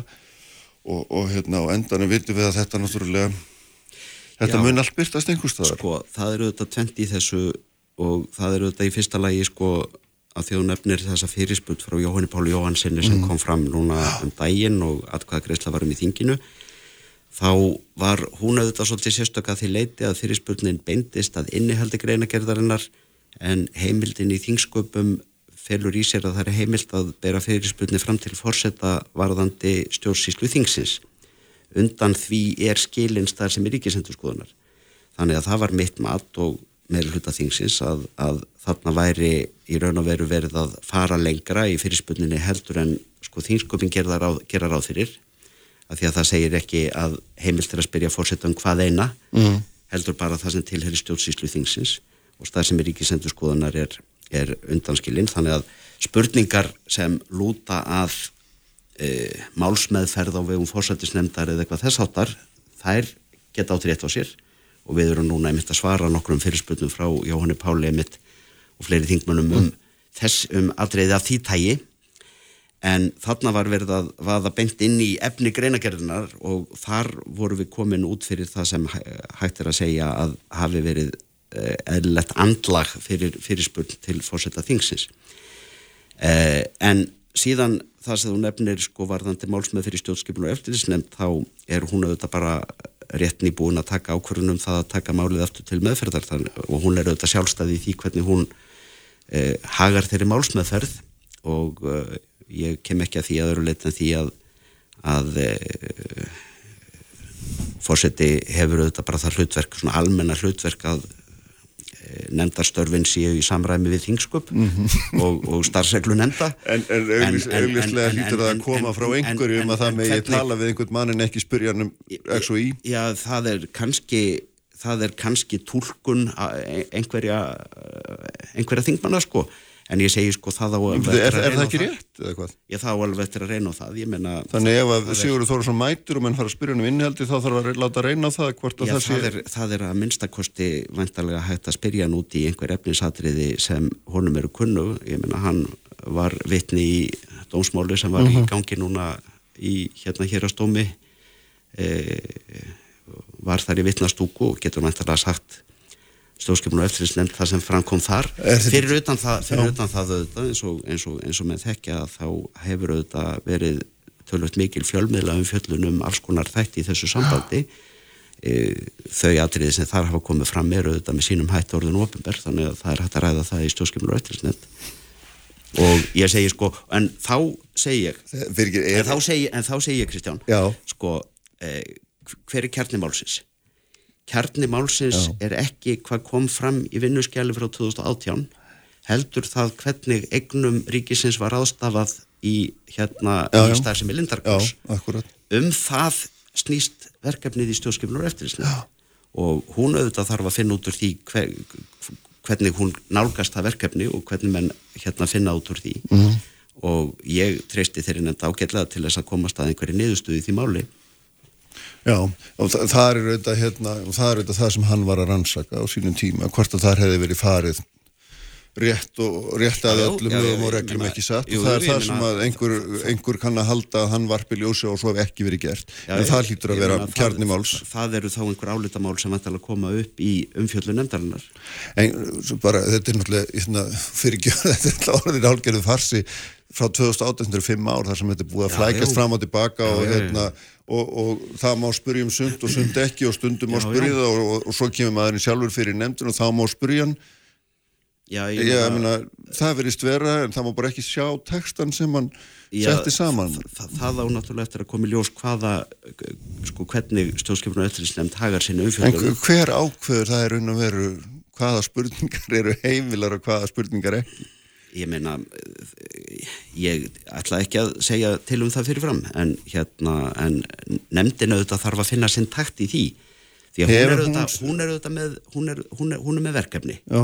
verkefni stjórnskipun og eftirlitsnefndar er að fjalla um skýslu ríkisendurskoðuna frá 2020 sem lýsir eh, rannsókn eða niðurstöðum ríkisendurskoðunar varðandi sölu egna lindarkóls hún þarf að finna út hvernig hún hérna eh, fjallar um það mál. Þar á meðal um einhver álitamál sem upp geta komið í því sambandi. Og, uh, og fyrirfram get ég ekki sagt um það nákvæmlega hvernig súnend kemur til með að, að En það er henni verkefni. sett eða formann henni vantarlega þá hverjum tíma hvort að hann heimilar eitthvað tilteknar spurningar um eitthvað tiltekki efni sem það- kann að vera í þessari skýslu en þó sem enginn hefur lesið þessu. það, það þarf að fara yfir það en ég gerir ráð fyrir því að það verði þannig með sama hættu og var á síðasta mm. kjörtamabili að nefndarmenn hafi að minnstakosti sama aðgang að skjælinu Já. eins og þeir höfðu á síðasta kjörtamabili Já, þannig að þeir geta lesið það. þannig að þeir geta kynnt sér það og, og þar á leiðandi gætu þeir átta sig á því hvaða álitamál þar eru uppi sem verðt er að taka til frekari meðferðar En þú veist jafnvel og ég á meðan þetta er ekki ofinbært, þá verður alltaf uppi grunur, umræða Já, já, en, og svo en framvegis. þá sko. held ég að, en þá held Er ég ekki að betra að höggva hann á hnút? Eða höggva á hnút öllu heldur að bara... ef, maður, ef, maður, ef, maður, ef maður er að hugsa um þægindin þá er það auðvitað einfaldar Mm. að, að hérna, aðfenda bara skjalið en hins vegar þegar að um er að ræða sko e, skýra af, afstöðu ríkisendurskoðunar sem hefur e, ótviðrætt að mínumati forræði Mm. á þessu skjali e, þá hérna þá er einfaldalösnin ekki endilega svo rétta Nei, ég, hérna, að allöngum kynnum okkar, þá ætlum ég að leiða mér að, hérna, giska á það byrgir að þessi, þú munur ekki heimila, hérna, byrtingu á þessu. ég eh, hef verið svona uh, nokkuð skýr með það í þinginu að ég telja að það séu ekki lagaskilir til þess að affenda þetta skjál eins og, og sækir standa. Ég hef sagt það eitthvað í þinginu en uh, málið er hins vegar það að, að Er að getur eitthvað orðið til að breyta því? eða? Nei, ég ekki, ég, ég, ég sé ekki hvað, hvað er í sp spilunum hvað það varðar. Nei. En það sem ég hins vegar uh, hefur það leggja áherslu á er það að umfjöllun um sölu þessari ríkisegna sem fóru fram í gegnum Lindarkvól að hún er mikilvæg og ég held að stjórnskipin og eftirlitsnefnd hafi mjög mikilvægur hlutverki gegna í því að loka því máli mm. því það er það sem raunverulega skiptir máli en ekki staða einhvers tiltekins skjáls sem var, var hérna unnið e, sem áfangi í einhverju vinnu sem lög síðan tveimur án setna Gott og vel, við skulum hérna, við sjáum hverju framvindur í þessu. Já, já, ég meina þetta er þrætun er áraðanlega ekki lokið en hins vegar þá, hérna, þá vona ég nú að það verði kannski til þess að setja málinn í svona aðeins uppbyggilegur fjarla e, svona farveg Já.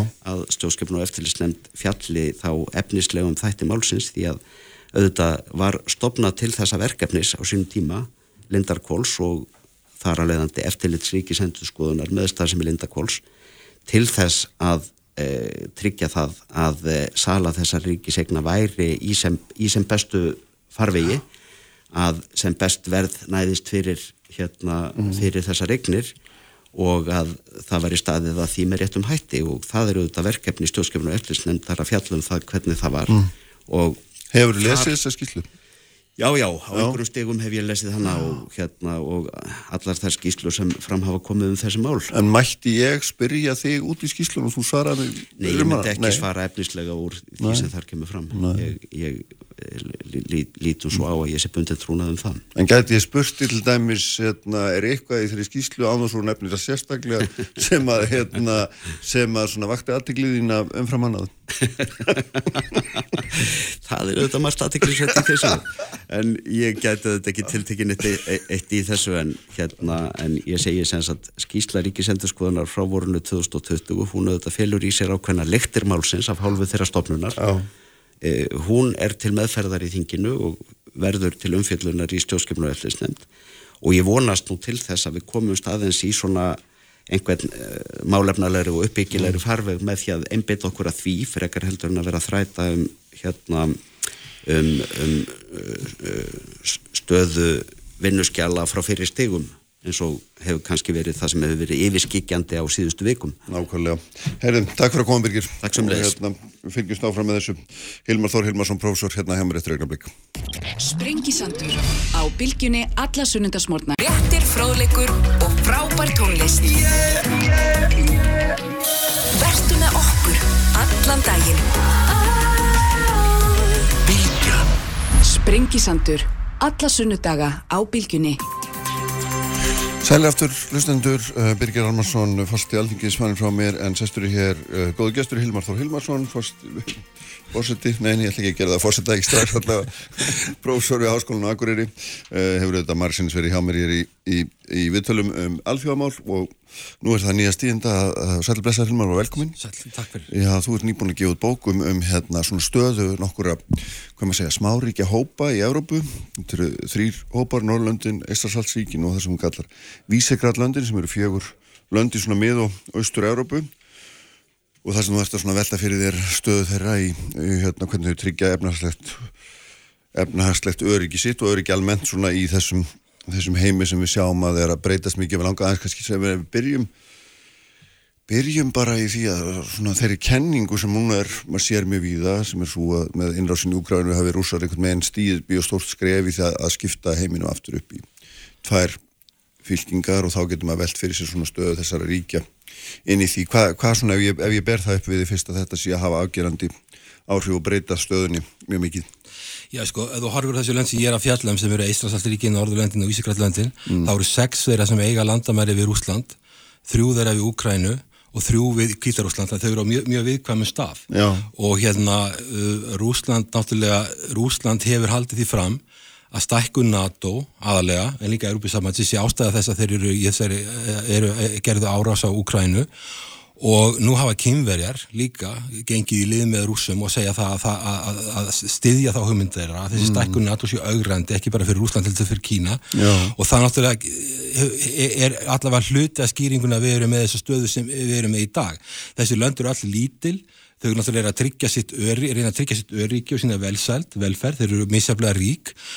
Eistlandsríking eru fyrirverandi sovjetlíðveldi á meðan að Vísigrallandin Póland, Tjekkland, uh, hérna, Ungverjaland og, og hérna Slovakia eru hérna fyrirverandi leppli í Sovjetríkina mm. að meðan Norrlöndin eru miklu ríkari lönd, miklu, hafa miklu meira sjálfsöryggi og þau nálgast Európusamrunnan alltaf er í vísi heldur en hinlöndin Þannig að sko þessi lönd mynda bandalög, þau eru öll undir öryggisregli bandarækjana, þau eru tökka all þátt í Európusamrænum en á misjafn hátt og þau eru allar einn að tryggja sig.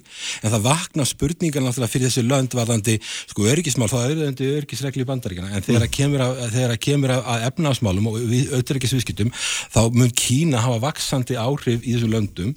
Og það er spurningi hvernig allar þessi lönd að vinna með Kína í, í framtíðinni þegar að komið er þessi multipolar world þar sem er komið þrjú stórveldi mm. sem er bandaríkið nr. 1, Kína nr. 2 og Rúsland sem er miklu veikara stórveldi en samt að hefur mikil áhrif þarna hvernig geta þau unnið og hvernig geta þau eigaðu að vinna með einu stórveldi mm. geta þau unnið með fleiri stórveldum hafa þau eitthvað val Ég er Evrópa ekki stórveldi í þessum skilningi Evrópa, Evrópa er stórveldi í efnaðstum skilningi þar að segja Evrópa, er, Evrópa, Evrópa og Evrósvæðið er efnaðsli stórveldi en frá örgisjónum er þetta eina stórveldi í heiminu sem treystir á annað stórveldi í sínum örgismálum. Mm. Evrópa getur ekki staðið í fæturnar í örgismálum einn eins og er, en það getur breyst það, það er margt, ef, ef að, það, það er eitt það sem ég segi í bókinni, ég er með þrjú scenario í bókinni sem ég tala um, mm. eitt er það að, að, að, því að bandaríkin verða sennilega fyrir það síðar að fara meira frá Evrópu og fara að sinna örgismálum í Östur-Asíu vegna Kína, að þá þurfi Evrópa kannski að ebla sínar varnir til að geta stað á eigin fótum í örgismálum, en eins og staðin er í dag, þá er Evrópa háð bandaríkunum gegnum NATO í örgismálum. Já. Það er hérna svo margt í þessu núna og bara í þessum tölu orðum sko þá, þá eru hérna kynverjar undirbúa heimstók til Úsland sem að fer gríðarlegi töðarnar á Vesturlandunum held ég mig sjó að þetta fullir það. Og á sama tíma hefur líka eru við, eða við, já Vesturlandin að tilkynna þrjú þeirra Ástrælja Breðarland Bandaríkin um svona tiltörlega nýtt samband, öryggisamband þarna á milli hérna, með meðlans hérna, skiptingu og og tækni og ymskonar hérna öðrum málum, það eru verið að tala um kjarnum kapota og svo er myndan ástæðilík og framvegis. Myna, það, er, það er margt í deiglunni sem að svona manni finnst eitthvað með svona, já, frekar renna í áttil einhvers konar tókstreitu, ófríðar, kaldastrýðs eða þess áttar ástands. Já sko síðan svona 2016-17 þá erum við, er, lifum við í svona multipolarvöld þess að Kína er, er að vera eflast mjög mikið og 2016 var Kína stærra hækjari heldur en bandaríkinn á jafnveitisgengi og það er bara gerist þegar stórveldi verða svona stór eins og Kína, þau stekkar svona mikið að þau fara að íta við nágruninu sínum mm. þau, þau eru með, Kína með landamæri við 14 lönd á meðan að bandaríkinn er með landamæri við Mexiko og hérna og, og, og Kanada og eru lífið í algjöru öryggi, það er engið sem getur oknað þeim, þá eru kynverðari í þessu þeir eru færðin að íta við löndum í kringu sig og eru í, er í landamæri deilum við öllu þessu lönd nánast og svo lönd, mörg lönd sem eru í hafréttadeilum við Japani og við Filipseyjar og, og svo náttúrulega er Ástralja, þú nefnir Ógust, það er Ástralja, Breitland og hérna Bandaríkinn og þar, er, þar eru kjartmörku knúðirkabátar, kjar, þeir eru ekki með kjartmörku vopn, allaveg ekki núna. Mm -hmm. en, en kýmverjar óttast eru er, er, óttast þetta, en sko ástralæri eru alveg sérstaklega erfri stöðu. Ástralæri eru 25 miljónir manna. Þetta er álingast stort, stort, stort og, og Norrlendi til samans þeir hafa mjög miklar ágjör að sinni stöðu. Þeir hafa ágjör að því að, að því ef Kína er að vaksa og verður jafn stort og Singapúr og verður landfröðsla mann, þá verður Kína tvissusum stærra hækjari við heldur um bæði í Európa-sambandið og bandaríkið til samans. Og þeir óttast að bandaríkið mun verða hrakin úr Östur-Asju og það, það, það eru margir sem halda það og telja það að Ástralja eigi að mynda bandalagi við Kína mm. en hins vegar hafa Ástralja með þessu bandalagi okkus mynda bandalagi með bandaríkjónum og hérna og þeir óttast jáfnveil bara einrás í, í Ástralja vegna auðlinda, vegna þess hversu stort landið er og þannig að hefur verið svona erfitt fyrir þá og bandaríkjum hafa sendt alveg skýrt skilabót til Ástralja að, að þeir veist jo annarkort með sér eða móti mm -hmm. þannig ef að þeir eru á móti og með Kína þá muni, þá muni þeir fara mjög illa með Ástralja. Ástralja er í erfiðri stöðu og Ástralja líka er í þeirri erfiðu stöðu að hún er háð Kína í auðarikisvísktum sko auðarikisvískti Ástralja við Kína eru, eru meir en helming, miklu miklu meiri heldur en heldur en auðarikisvískti við bandaríkjana og Európa-sambandið en svo eru háð eh, bandaríkjana mjög öryggismálum mm. og þetta er ákveðin dilemma sem að hann er í gangi og eh, staðan er, er mjög flókin í, í, í hérna í, í Jassi Tógast, tógast alltaf á þessir öryggishagsmunir annars vegar og hinn er efnahagslegu Já. Geta farið í andstæðar áttir Já, þetta er líka hjá, í Evrópu, það er að segja sko, öll þessi lönd sem ég er að fjallum mm. taka þátt í Evrópusamlunum og mjög smundið hátt. Íslandsþýkin eru öll aðeinar að Evrópusamlandinu og eru með Evruna. Á meðan Norðurlöndin taka mjög smundið nálgun, tvöður eru utan Evrópusamlansins, þrjúður eru innan, bara eitt er með Evruna og svo ertum við vísigrætlöndin, þau eru öll í Europasambandinu en bara eitt Slovakia er með Evruna. Þau taka mjög mismunandi nálgun í þessu en sérstaklega Eistafslæðsvíkin og, og hérna vísigrætlöndin þurfa miklu meiri fjárfestingu þau hafa í dag. Og þau, þau eru mörg að horfa til Kína í gegnum uh, Asíu, uh, fjárfæstingabanka eða gegnum innviðabanka Asíu og í gegnum hérna, í gegnum það sem er kallað 16 pluss 1 mm. fjárfæstingaverkefni og þau vilja fá fjárfæstingu frá Kína og vilja og þurfa að vera í auðverkisviðsýtum í Kína og en það er spurningin hvernig þau geta gert það þegar að þau, þurfa að þykja sitt öryggi frá bandaríkjunum og hvernig, hvernig afstöðu bandaríkinn taka mín skoðun er svo að, að, að með, með þessi lönd sem við tala um öll þessi tólf lönd sem ég er að tala um mm. þau eru öll undir öryggisreglur bandaríkjana þetta eru öll lönd sem vilja vera vestræn og vegna þess að, vegna þess að þeirra stjórnkerfi, efnahagskerfi og svo afstæða til hérna, mannlindamála eru þannig að þau eru til hér að Vesturlöndum. En þau þurfa líka á sama tíma að geta átti viðskipti við landis og Kína sem er að vera svona óbáslega stórt. Og þú getur raunveruleg ekki tekið þátt í auðverðisviðskiptum í heiminum í framtíðinni nema á sitt í viðskiptum í Kína. En þá mynda spenna, bandar ekki líta svo á að því starra sem Kína verður sem hægkerfi þeim eru ókn verður það, efnahagstærð mun alltaf enda í herstyrk og þess vegna eru er bandaríkinja vel á móti því að það séu viðskipti vilni þessara með, með, með Evrópu við Kína. Og þetta getur valdið verulega mikið til spennu. Evrópusambandi hefur ekki getað skaffað þessum löndum nægilega mikla fjármenni til innviðauppbygginga. Og hérna og það, það er vandamál sem ennþá er í gangi. Þessi löndur er ennþá miða austur ennþá tengt austur til Rúslands meira heldur en vestur. Mm. þannig að þessi lönd lenda aðná millir mín skoðinu svo að þau eigi ekki að tengjast bandaríkjunum engangum sem við sjáum það Íslandingar bandaríkjum náttúrulega eru bara svo önnulegt þau farið til sínum eigin hagsmunum. Þau hjálpu okkur í landekistelina á sínum tíma að leysa hana og hafa hjálpa okkur í ímsum til, tilvökum en til dæmis í kreppinu 2009 þá vildu þau ekkert með okkur hafa. Og þau tóku varnaliði burtu 2006 alveg á, í anstöðu Íslands stjórnvöld. Þannig að stórveldi eru bara tækifæri sinni eins og aðrir. Mm -hmm. þess vegna þurfum við að mínum dómi að, að við þurfum að, að vera í hlut, hópi Vesturlanda og vera í tengslu við bandaríkin og styrkja þau tengst en við eigum ekki að rjúa á tengslinn við Kína. Við getum, við getum aldrei hvenar við þurfum á, á kýmverjum að halda varandi Rúsland þá náttúrulega eins og staðin er núna þá verður mjög langt ánga til að vera komið eðlilegt ástand í samfunni við Rúsland með þetta stríð í Úkrænu mm. Sko það er hérna þetta skoða þetta eins og þú talar um svona mark, markhauða veröld þar sem eru mörg stórveldi að takast á með einu ólítið sem var þegar voru bara tvö en, en hérna það voru tvær blokkir getur við kallaða en svo getur maður líka held ég horta á þetta þannig er það ekki að, að það sem er að gerast er að þeir sem að aðhyllast bara þetta klassiska líðræði og, og frjástefnaðarskerfið þessar eru aftur að þjappa saman öðrum einn og hinnir sem eru undir hérna svona einræði þjappa saman hinnum einn. Ég meina, er, er þetta ekki grunninn bara nákvæmlega sömu hugmyndafræðilegu línur sem er að dragast upp í heiminum eins og voru? og þetta er náttúrulega, jú, sko, þetta er bara ennþá hættulegur heimur, því að þegar, mm. þegar í kaldastríðin þá vorum við með tvö stórveldi sem voru að berjast í, á, þá í Evrópu, það, það, það eru Sovjetríkin og það eru Bandaríkin nún erum við með átök í Evrópu sem eru Rúsland og Vesturlönd og, og og aðalega Bandaríkin og síðan eru Bandaríkin í Östur-Asju og þetta er hérna er mjög slæm staða og hérna og Vesturlönd og undir fórstu Bandaríkin hafa talið að það væri æskilegt að þau myndu endur skapa allan heiminn í sin eigin mynd. Það er taka upp líðræði og markaspúskap í öllum hérna, öllum löndum heimsins þar á meðal Rúslandi og Kína það er bara amerikanstælið vestur, vesturlanda líðræði í þessum löndum.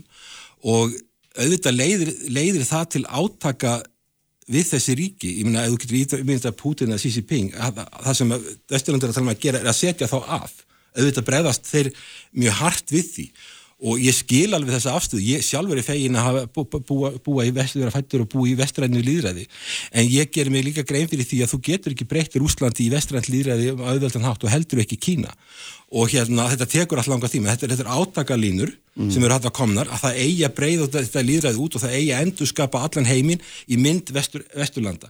Og það held ég geti aldrei farið fram fyrir þessamlega og ég er alveg sammála því að mannréttindamáli í Kína er, er ekki góðu lagi.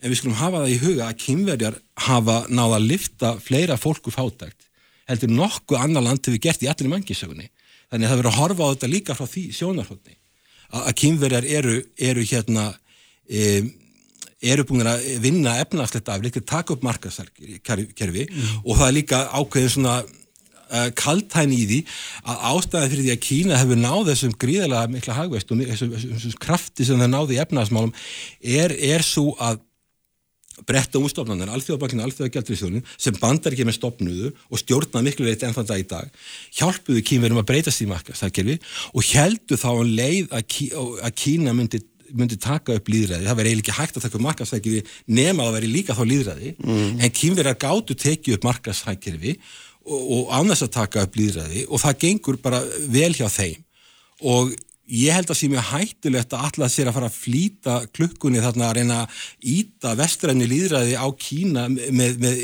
með miklu hraði og, það, og þessi átökmilli líðræðisríkja og þessara svona uh, ríkja sem eru meira einræðisríki þau, þau eru áhugjefni og en mér finnst bara óraunsætt að, alla, að, að við verðum að sína þessu löndum vissa þólimæði í þessu, þessu ferli. Já. Hvaða, hvaða svona, hver er svona þín niðurstað að þeir eru búin að skoða þetta og ert að horfa þessi þess að smári ekki hópa? Hvaða, ef við kannski beinum aðeins sjónum bara líka hérna heima við hvaða, hvaða afleðingar hafa þessar hræringar allar fyrir þessi smá ríki hafa, hafa það einhverjir afleðingar eða, eða engar? Erum við, bara, erum við bara vel sett þar sem við erum og hérna og í góðu skóli eða þarf að grípa til einhverjar aðstafanum Sko, varðandi Ísland, Ísland þá erum við tildulega góðri stöðu. Við erum með tílega vartansalandi bandaríkinn, við erum með, við erum að, aðilara NATO, við erum með miðju Norður Allandshafi, við erum, það, við erum ekki, erum það, og við erum ekki deilið við neinstórvildi, við erum með góð samskipti við Kína. Við vorum með góð samskipti við Rúsland alveg þar til að krímskæðin var tekin.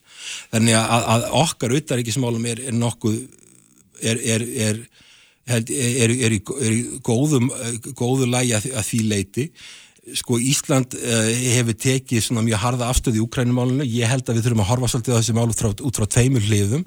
Og ég hef verið talt með þess að reyna að semja um frið vegna Ukrænu, það hefur verið, að eiðalegja landið, það hefur gríðarlega miklar afleðingar og ég, maður sér það veita að Ukræna er ekkit að fara inn í, inn í NATO. og hérna, en eitt var að Ísland það er líka verið að tala, tala um hérna, það er verið að tala um hérna að Íslanda er að ganga í Európa-sambandi og þá er oft mm. talað um öfruna og það er að tala um að sé háuru vextir og við veitum samt að verðbólgan hérna er mælt öðruvísi heldur en öðruvísvæðinu þannig að hún er íkt hérna en, en það sem er að gerast varandi Európa-sambandi að það er að koma einn lönd eins og Alb, lönd sem er að koma inn í náni framtíð, getur komið í náni framtíð eins og Albania, Moldova Norður-Makedónia, Svartfjallaland, Serbia, mm -hmm. Tyrkland er á listanum Úkræna. Þegar þetta gerist, þegar við erum að horfa á stöðu Íslandsvarðan til Evropasamlunum, við erum hluta Evropasamlunum í gegnum sko, að vera samveilu markaði og vera í sengen, að þá þurfum við að horfa á hvers konar samband verður þetta í framtíðinni. Öll löndin sem er að fara inn í Evropasambandi eru fátaklönd sem þurfa mikla aðstóð og, eh, og þau leika þessi fátakulönd sem eru þar og eru fyrir og eru að fara inn, fátaki samabriði eh, Norðurlöndi til dæmis mm. að þau munu pressa á meiri og meiri aðstof frá ríkulöndunum. Þannig að ég er ekki að segja, ég er, ég er ekki að segja af við ákvort við um að fara þann inn eh, en ég er bara að segja það að við þurfum að horfa á til framtíðar hvers konar samband er þetta verða. Þjóðverðar hafa sagt alltaf að sko, Európa-samband er ekki transferjúnin, Európa-samband er ekki að vera millifæra mikla fjárhæðin milli landa, mm. en þegar að ef þessi lönd fara, sérstaklega lönd þessu Úkræna sem er stort land og svo tala ekki um Tyrkland sem er ennþá stærra, 85 miljónir, Úkræna 40 miljónir cirka, að þá breytast valda hlutilinn og þá breytist eðli Európa-sambanskiptar breyst algjörlega og það er að hafa það í huga, það er ekki nóg hugsa um vakstamunin og hvort það sem er í verbulga eða ekki mm. efnarsmannum, það er að horfa það út frá þessu. Og þannig það er, á, það er ákveðið svona óg sem, það er ákveðið vandamál sem er blasa við Európa-sambandinu og Evrisvæðinu, það eru, það eru lönd sem eru mjög skuldug en Evrisvæðisins, eins og Ítalija sem er stórt land, Frakland er orðið mjög skuldugt og Þískaland sendur ekki vel. Þannig að það er ákveðið vandamál sem, að, sem, að, sem eigi eftir að koma í ljós það sem hins vegar er í þessum máli það hvernig afstöðum bandar ekki taka gafkvæmt löndunum, getum við verið í góðum auðaríkisviskjöldum og grætt á vexti Kína þó þetta sé einræðisriki mm. af því að þeir hafa ákveðna kosti þeir hafa lift meirinn miljardir manna á, fá, fátakt sem er mm. bíl núna við viðöndi lífskjör getur við átt í viðskiptum við Kína eðlilegum viðskiptum, geta þessi miður Östuröfland verið að taka en fjárfestingu frá Kína án þess að þeim sé ógnaða bandaríkjunum Þannig að ég held að sko þessi spenna, hún, við, á endanum munum við öll tapa á henni eins og, eins og með, með, með Úkrænu, en það er, það er þessi, það er þessi, spenna, það er þessi, þessi val á milli, eins og er í Asíu, ég sagði við í Asíu þá eru Asíuríkinn standa fram fyrir því að þau, vil, þau, þau, þau eru háð um, Kína í auðverkisvíktum en þau eru að háð bandaríkjunum í örgismálum mm. og það, þetta er svolítið sama með Evrópu. Fyrir mér, mér finnst að smáríki eigi að vera í sambandi við eitt stórveldi svo við bandaríkin mm. en við eigum að reyna að eiga góð samskipti við önnustórveldi þá sérstaklega Kína. Ljómandi, ég held að hérna betri yfirverð, ég þetta fáum ekki bíl allavega. Bestu þakkir Hilmar fyrir að koma og hérna sprenginsandurinn látið lokið í dag. Ég veit að þið haldur svona stýrið auðvitað útsendingu eins og hann gerir alltaf, allt efni finnið á bilgjan.is og vísi.is og svo hvarvetna, bilgja appinu náttúrulega og hvarvetna það sem þið finnið hlaðvar. Svo erum við með ykkur hér aftur eftir viku. Verið sæl.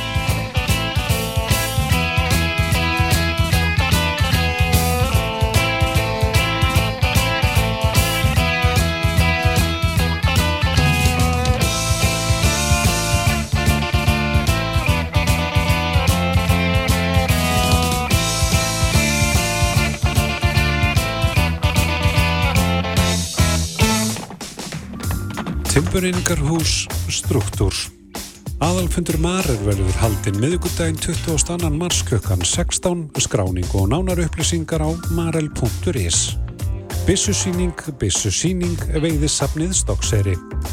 Lím 3, Struktúr. Pottaplöndur, ný sending í hver